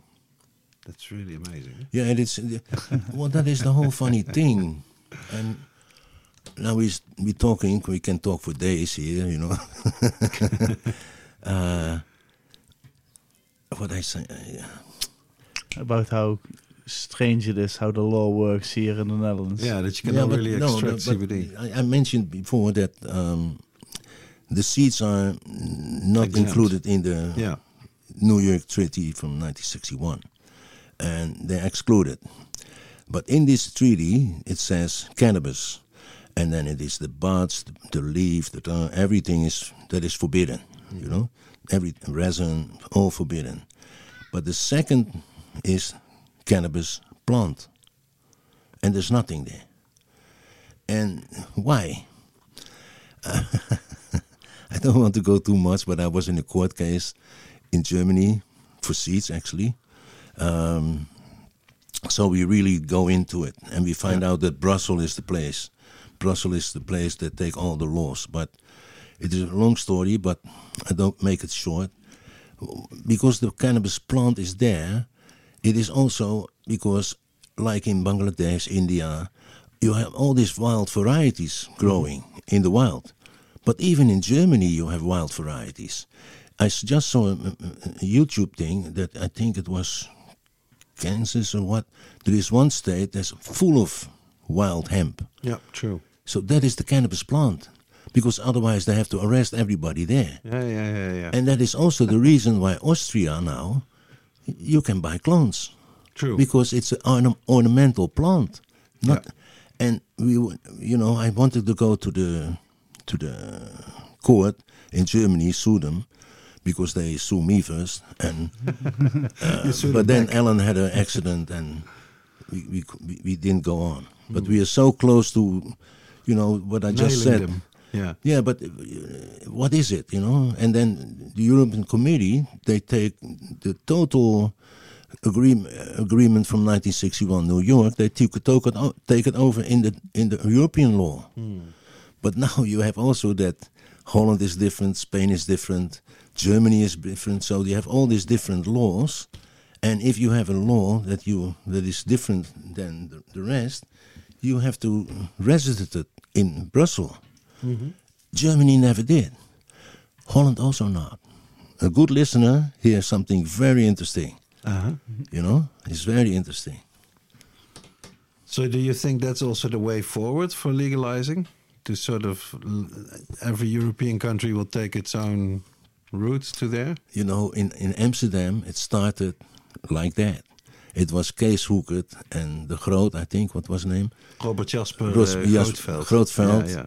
Uh, who sold hemp plants for one Little guilder. clones. Yeah. Little clones for one guilder. It was On totally the boat, right? Yes, yes. I And seen the totally picture. legal. Yeah. It was totally legal. yeah, because they were opposite the police uh, station. And they say it's hemp, Yeah. right?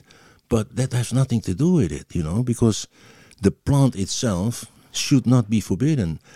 You, but Austria also, in Austria, you can buy clones everywhere True. and you grow it in your garden, but you're not allowed to use the take the bud, no? Yeah. You're not Uh, allowed. The- the- they say And that, that is the- only exactly. the use of it that that uh, is, is is what makes it legal or, or illegal. And indeed, if you use it for decoration or for whatever, just as long as you don't smoke it, Exactly. you're legal. And that is the. that Which is sort of yeah consistent. that is in the, in, the, in the international treaty from 61 already. Mm-hmm. Although nobody want to read it because they leave it blank. Mm-hmm. So there is cannabis is blah, blah, blah, blah, blah, forbidden, forbidden, forbidden, and except the seeds, and then cannabis, the plant nothing. itself. Yeah, Yeah, yeah, yeah. And there's nothing. So they leave it blank, Uh-huh. and so everybody can do what they want with it. And Austria figured it out, and they're doing it, and yeah. What to say? I, I I have that idea a long time when I started Hempflax. I thought maybe I can s- sell hemp here with the flower people, you know, the uh, flam- hemp branches. Yeah. would be nice. But it didn't work out. No. I remember I give the Nieuwe Revue uh, seeds. Remember that? I do remember that. And I put what was it, five seeds on, on every packet, on, on every uh, magazine. And Albert Heijn refused to sell it. I demonstrated against that in uh, Amsterdam. I do remember it because it was Yeah. such a stupid modern censorship thing. No, but it was so nice to I- do, you know. How did you came up with that uh, idea? a guy from a guy from uh, the review that called me for an interview, and then I mentioned it. Why don't you put some put seeds. some seeds on it? And And they, yeah, good idea, good idea. they, you know, they thought it- it was big news, huh? Absolutely. It was big Yeah. news, Yeah. but they didn't sell many many magazines that time. I remember I did buy two copies of it because I thought this was great. You still have it? Yeah, for oh sure. wow, wow. Because like before that, High Life magazine did it, but okay, that that was more like controlled circulation, smaller magazine. Whereas Nieuwe Revue, even especially back then, was still a very big circulation, a very quite influential sort of weekly uh, magazine. And it was a great stunt, yeah. But High Life was there already. High Life, they had it before. Yeah. I think. And I also have these, uh, and it, I remember that uh, Joop once told me that they had to all individually put the bags of seeds on there with a little piece of string, you know, and then Ah. make a little hole in the cover of the magazine, and just every Yeah. single one had to do them themselves. but that's fun. Really uh, uh, do it yourself, sort of hardcore uh, mentality. That's also activism. I no, think. but you also Absolutely. saw uh, the year later. You saw everywhere wild plants everywhere, yeah. many places. Yeah. and it was early girl, wasn't it? Like an early, I don't remember that. an early flowering uh, I don't remember. variety. That's fantastic. I, I've, Yeah. I'd forgotten about that, but indeed, Yeah, we did a lot of funny things. It eh? made You, quite you've a been stir. there quite many.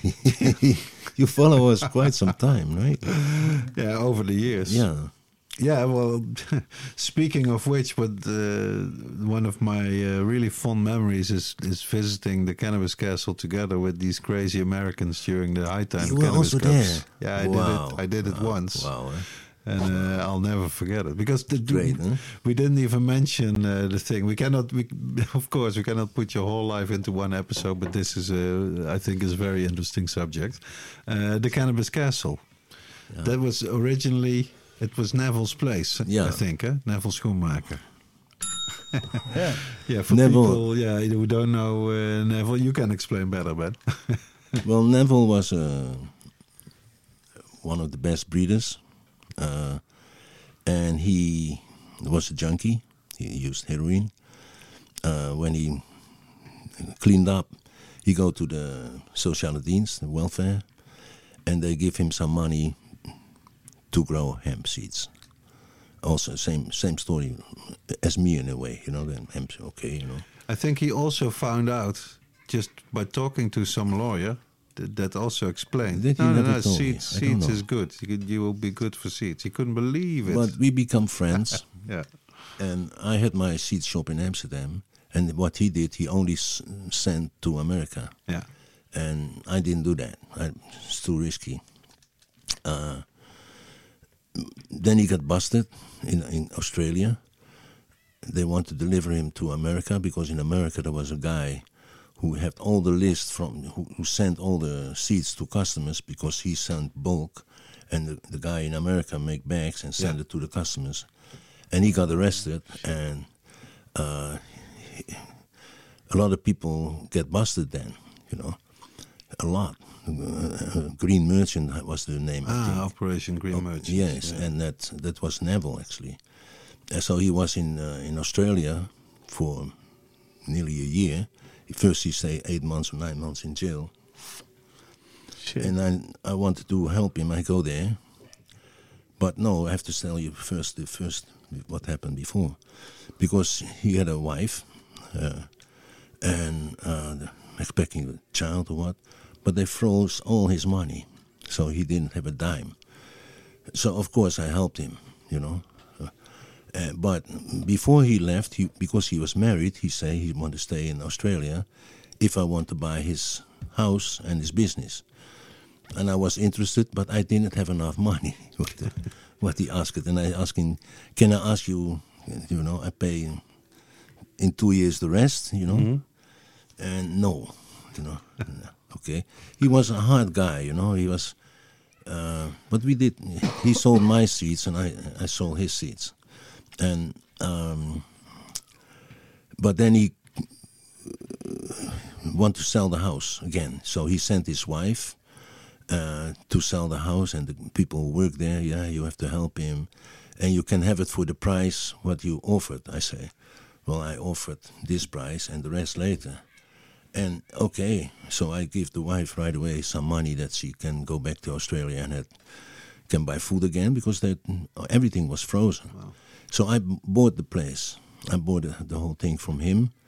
And a year later, he came out. He came back to Holland, and then he worked with me. He, he, he's, you know, he bought a small house because Ellen lived there already, mm-hmm. and then he worked with Ellen together. So and together they, they w- did very well. They did Yep. very well.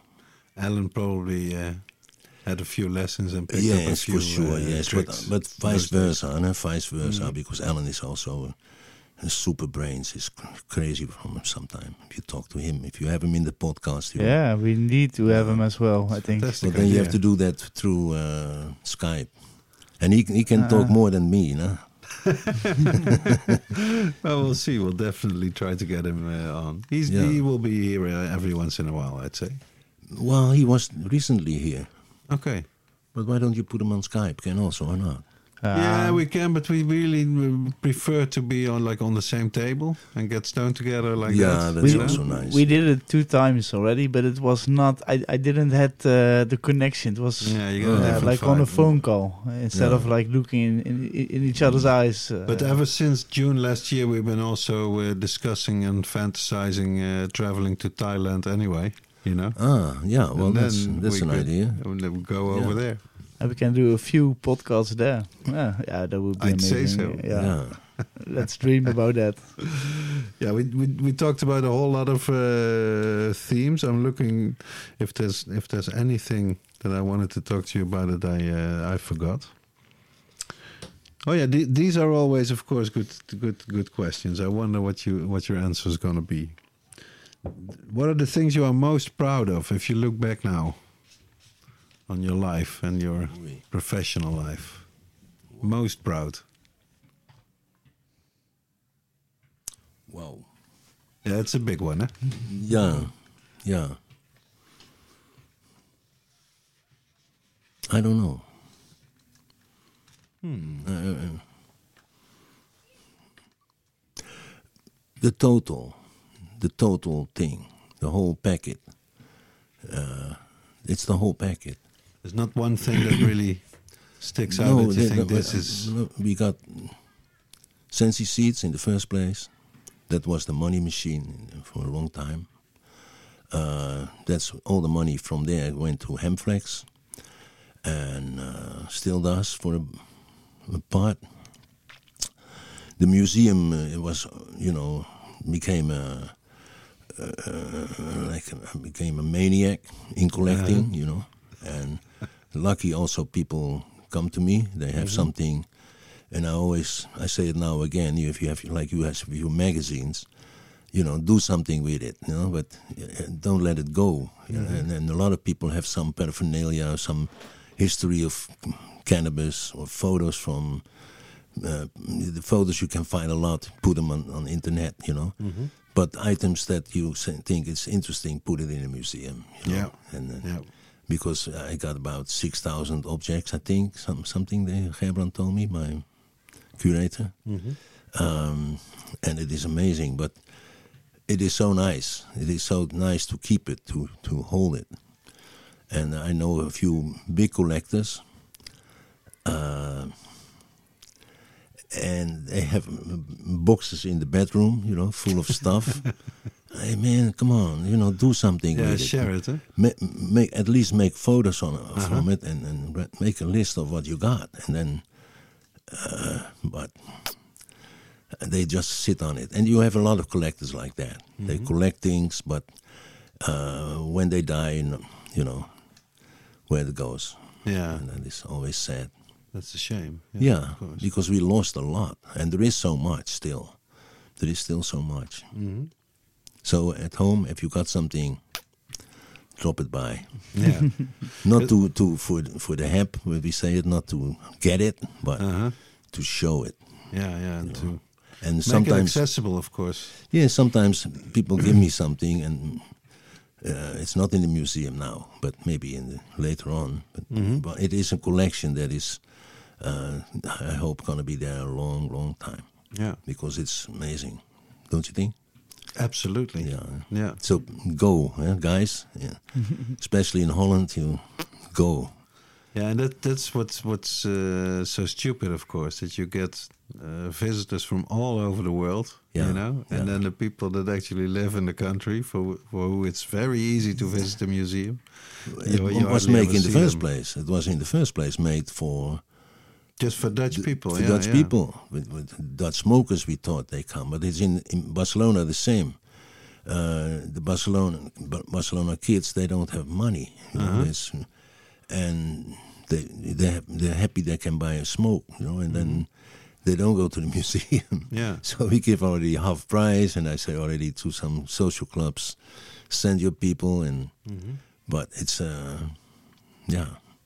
Uh, may- maybe also a good option for the Dutch people. If you ever go to Barcelona, visit also the museum. Oh, museum. for sure. Oh yes. And If for the Spanish just for the people, building. If you go to Amsterdam, visit also Yeah. uh, the uh, the museum in Amsterdam.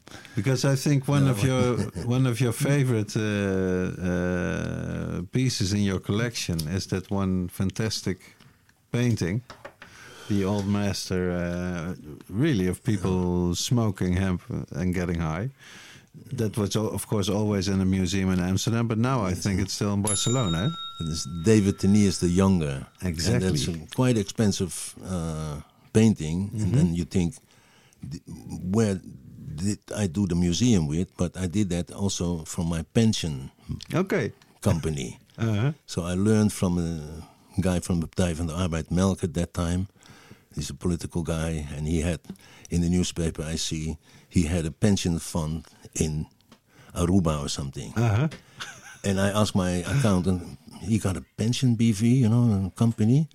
Yeah, yeah, you can do also. I said, but I, they pushed me to go to the bank for Uh-huh. pension shit, you know. And I said, no, then I, I, I do that. And so I put money in there. And from that money, I bought a lot of stuff. Ah, So actually, I survived my pension stuff, you know. It's on the wall in Barcelona. Yeah. And I'm lucky I don't have to, have to sell it yet for my pension. Well, let's hope you never have to. Because no, I don't think so. I hope it's not. such a yeah, it's such a highlight. I'd Yeah, say in the it's a- collection, it's a fantastic uh, painting, Yeah. and I think the, the there's it's quite probable uh, one of your theories that you are sure that those that back really in those days the tobacco was the expensive thing to smoke, Yeah. and the hemp was more the ordinary and cheap thing to smoke, which would make sense if there was so much hemp on the fields, growing on the fields, you know. And then you can also uh, imagine was there already back then a lot of CBD in those hemp uh, plants that, that that they used. Yes, probably, yes. yeah. Y- y- Yeah. It was, but it was the Indian hemp, huh? Hmm. So not the Russian or the Eastern. In those days, they had a lot of Indian hemp, and that is, you, have to understand that uh, we only grow hemp in Holland before the World War too. you know, and then it stopped. Yeah.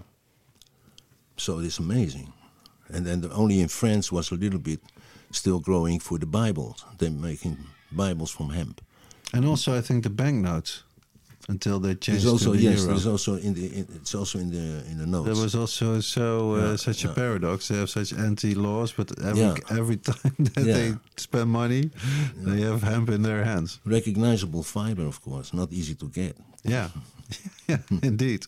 Who is going to try to do that Yeah. in France to grow hemp? Yeah. What what like you, yeah you had such a, an amazing career and you took a, a lot of risks like you say waiting for hemp to have the big big breakthrough for over 25 years. If you look into the future what what do you think is going to happen with, with this plant with the industry with hemp? What, what, what uh, how is your vision for the next 10 to 20 years Like we're talking now, I talk a lot with Lester Grinspoon, you know, Skype, and we can talk for an hour, two hour, whatever.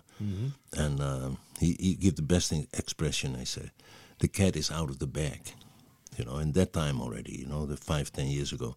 What happened in America is amazing. yeah look at Colorado, people know or don't know, but they legalized and everything went good. Uh, killing 20% down. Car accidents, drunk driving, 20% down, 25.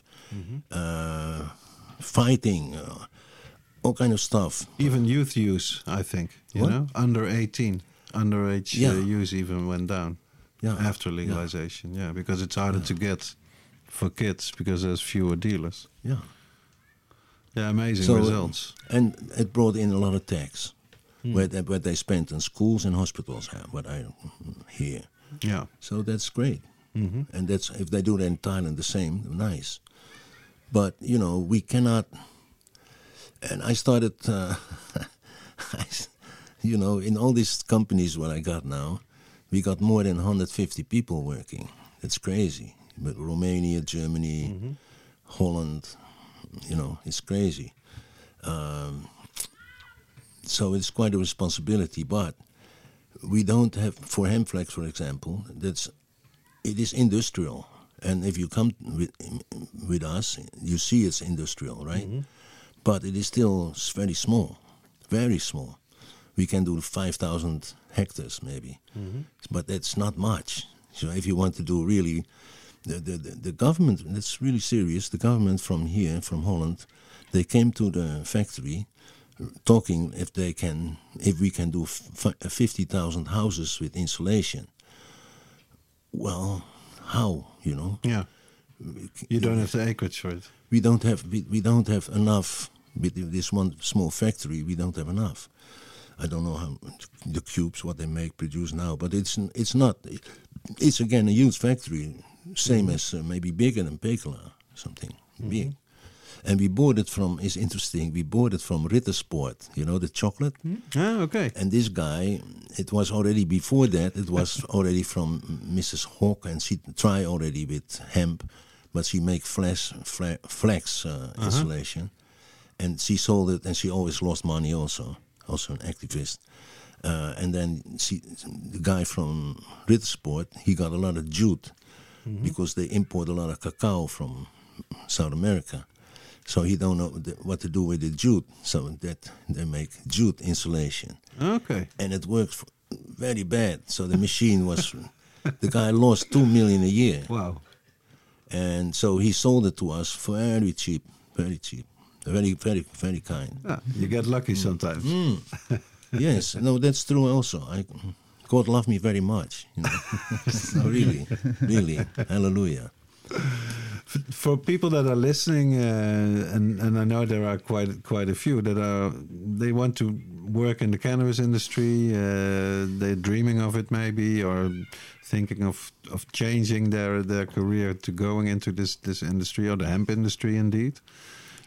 What would be your advice to these to these people to to be successful or to break into this industry if they would not want to? In which one? Both. Say the cannabis industry, like like you do both, basically. Ah, I don't know. You know, it's. Uh, I would say don't. no, really. In the sense, do what you do. You know, in your garden for yourself. Uh, don't invest money in it because it's. I see now also with the, the wheat experiment. You know, in Holland. I don't believe in it from the start. I didn't believe in it, and I still don't believe in it. It's it's it's, it's a crazy idea. It's a fantasy. Mm-hmm. You know, it's complicated like shit. You know, it's. So, what do you think that will go wrong when they finally get to selling some weed? Well, in the first place, if it is your coffee, coffee shop, you cannot buy hash anymore. That is already stupid. In in the museum in Amsterdam, I have a, one uh, thing showed that the hash that come from Afghanistan is one of the best in the world. I can say what I know the best for me, and they got about two, maybe three hundred dollar a kilo if it comes to you, you buy it in the coffee shop for 16, 16 euro, a gram. Yeah, yeah. So the difference between that is so huge. And of course, the guy who smuggled it here, he deserved it because I like to smoke it. You Yeah. know? Uh, like Howard Marks, uh, Uh-huh. Mr. Nice, the guy from the book.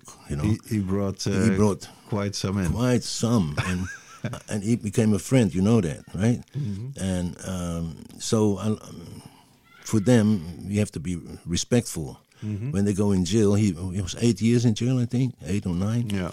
so it's it's terrible but if you grow a small thing you know Mm-hmm. and then uh, for yourself or your friends okay Yeah. but if you invest in it be careful Yeah. and it's, you know, I have so many people in Malaysia that they come to me, and in Japan also. Yeah, yeah, I want to, uh, I want to, I want to make millions. What they actually say, and I say that also very clearly.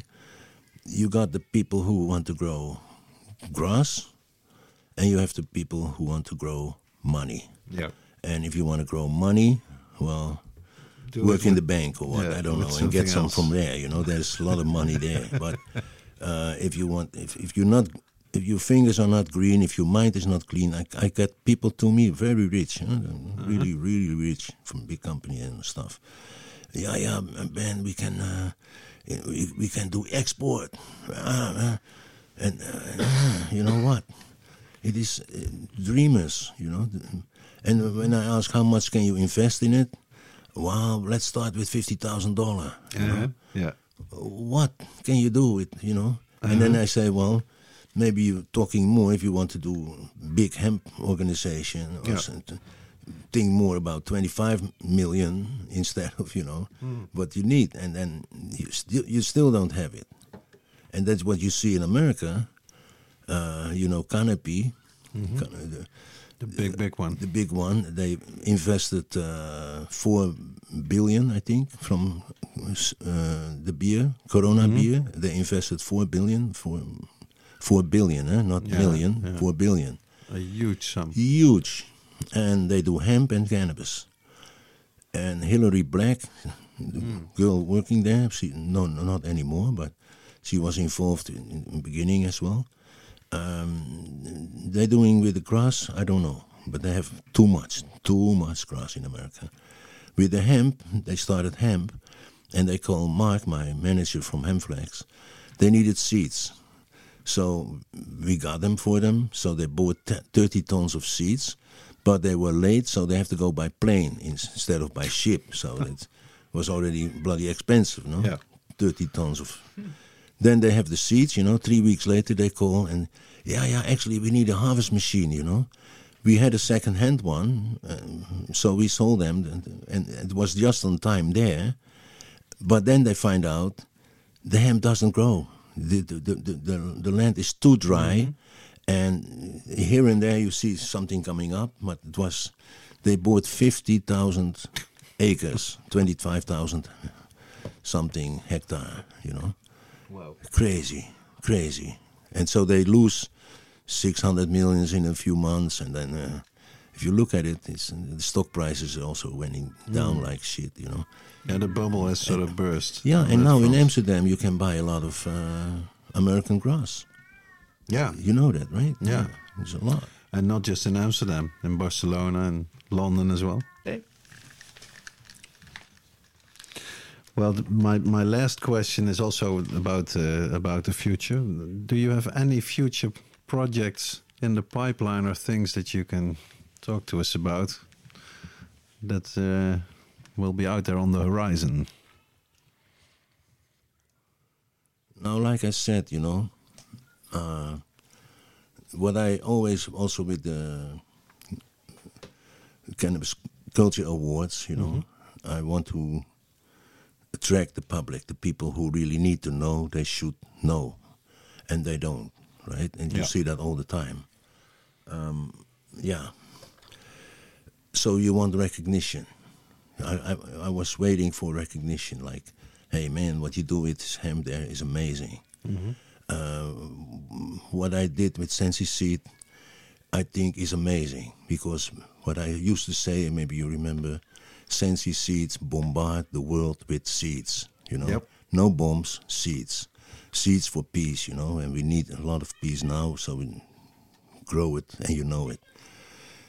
So that is the thing, and then you have the museum. You know, we have so much to say there. We have so much that you see that the history was all hemp.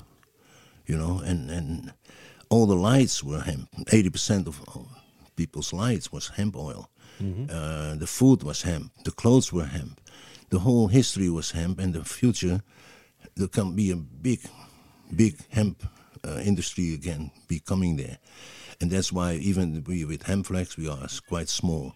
So if we want to do really, really the thing to do in the future, to be very industrial, uh, Sensi don't make that kind of money anymore, and the museum is, you know, the museum is Amsterdam and Barcelona together, and even together we we still lose money, and that's why also I had to to stop a lot of sponsoring. We did a lot of sponsoring. I don't know if we sponsor you once in a while. Absolutely, Uh, yeah. but, um, but I think hardly any serious uh, activist cannabis organization in Europe or in the world that hasn't received some money from Sensi Yeah, Seeds over the years. We did a lot, yeah, Yeah. yeah. But now it's I, I do remember Marc Emery also telling me that back in the day that he said the idea of making money with seeds and then putting a lot of that money back into activism. He said I thought that was just genius. And when I met Ben Yeah. the same night, I thought this is what I'm going to do in, in Canada. And it is Yeah. of course, yeah, it is well, that's fantastic. what I mean. You know, Sensi did a lot, and and uh, the museum did a lot with, with, with all the activists still, people yeah. ins- inspired by it, and that is I like it. You know, Mm-hmm. and sometimes people say, "Oh, but you, it's now your competition, this or that." Eat and let eat, and let's change the world together. You know, we have to do it, all of us. Yeah. and I think we're on the way. But uh, on the other hand, politically, it's still a mess, you know. And I called them in an interview in Berlin. I did for the uh, marijuana television in Spain, and I said, you know, the criminals, who are the criminals, is not a grower or a smoker or even a dealer, you know.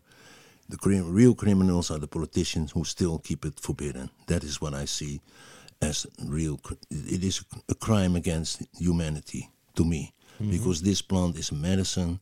It is clothes. It is all these beautiful things that it. We talk about it, and what Jack used to shout out, but now we're doing it, you know, and then it is. And, uh, and uh, Jack always talked about fifty thousand products. No, there is more than twenty-five thousand products in the moment. so I, I read so. Yep, we're on the way. We're on the way. Yeah, So for sure. you guys go to the museum, buy Sensi Seed, and buy Hempflax. You have cat litter, uh, horse bedding, and the CBD is the best. I think the best you CBD we make. Yeah. Jacob Hooy. That's the one. Very nice. All right. Uh, we have we have an extra question for you later on because we asked the listeners to that that they have a question for uh, for you. But we uh, we go to our uh, to our old school classic segment, the old box.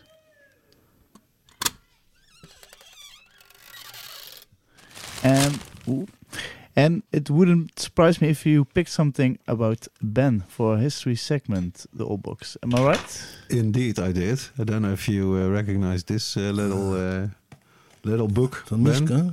It's a green. Uh, it's a green book. It's uh, actually a French book that was published in 1993, Ah, Jean-Pierre. Miska. entitled uh, "Première Journée Internationale du Cannabis." So the first International Day of Cannabis. And on the front, it has a quite subtle Picasso-style drawing of a peace dove uh, carrying a cannabis leaf in its beak. And the list of people uh, who contributed to this day, uh, held in Paris on June 18, 1993, so almost to the day 30 years ago, uh, this, this today or this month. And uh, the list of people that uh, contributed is printed on the back and has some familiar names, with of course Mishka, you already mentioned her, the grande dame of cannabis in France, but also Jack Herer and uh, Robert Randall. He was the first patient in uh, modern American history to get cannabis from the US government for medical use for his uh, glaucoma. And longtime activist and author Chris Conrad. And as you might expect, Ben is also uh, on the list. The text in the book that's that's there, it's four pages long, is written by Ben and Alan uh, together. And it's simply called Cultuur Néerlandaise, or Dutch culture. And I translated the last uh, paragraph into English so that the first page. that everybody uh, Look at. Ah, can heed yeah. these words. I haven't seen it. Super. Yeah, that's funny. Eh? It, it has the it, it has the leaflet of Sensi Seed Bank uh, glued on, uh, on the back of the the cover because you probably sponsored the uh, the publishing of the book. So the, the last paragraph translated into uh, English goes like this. History has shown that the Netherlands has always been a refuge for people persecuted because of their beliefs, their political convictions, or their philosophy. The most fundamental aspect of Dutch society is its multicultural character. The rights of our minorities are rooted in our constitution and in our system of laws. Hemp consumers are one such minority. They have a connection with a plant that took root in Dutch soil and Dutch culture centuries ago. They have a relationship with hemp, a cultivated plant which historically has been of great use and which for the future offers potential in many fields. Mooi. Yeah, it was it's a great text, ja, eh? mooi. Ja, From uh, 30 years ago. ja. You could still print it. Ja, Print it ja, today. ja, ja, ja, ja. Beautiful. Yeah. Very nice. So we can We close could- it back. We close the box. The old box. And then we go to our next segment, the listeners' responses.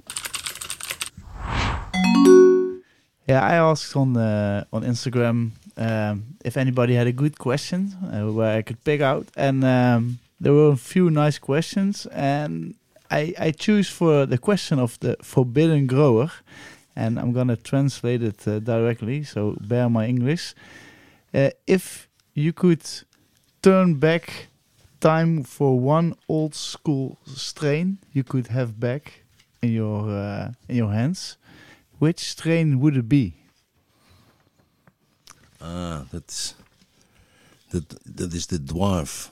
The At, Ed Rosenthal call it the dwarf, but it was a a very small plant with very small pl- buds, and it was a crawler. You know, it, it instead of it grows up, it grows down uh, sideways, and it had very small buds.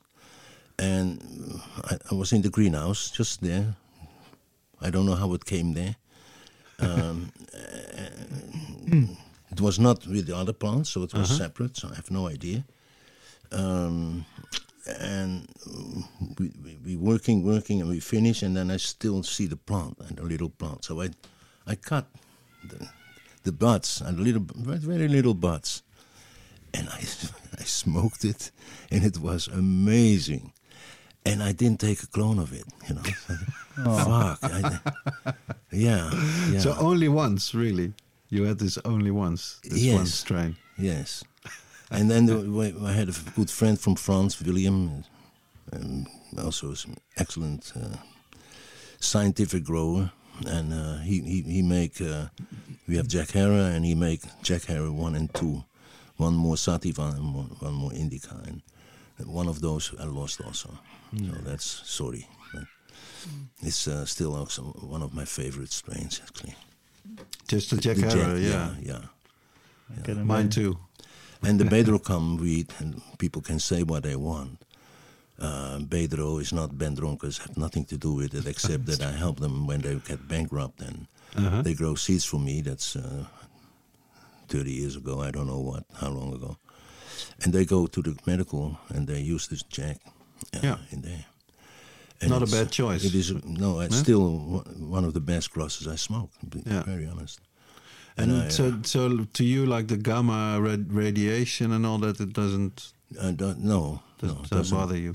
No, if you think Mm-hmm. of you talk about radiation, you know, it's uh, something that yeah is around us everywhere, Mm-hmm. right? We don't know what kind of radiation we got from our all kind of stuff. Mm-hmm. But I eat, eat some hemp oil. I, take CBD every day, you know, It's a remedy, and, and it worked like everything, man. It's Then you're good. It's so good.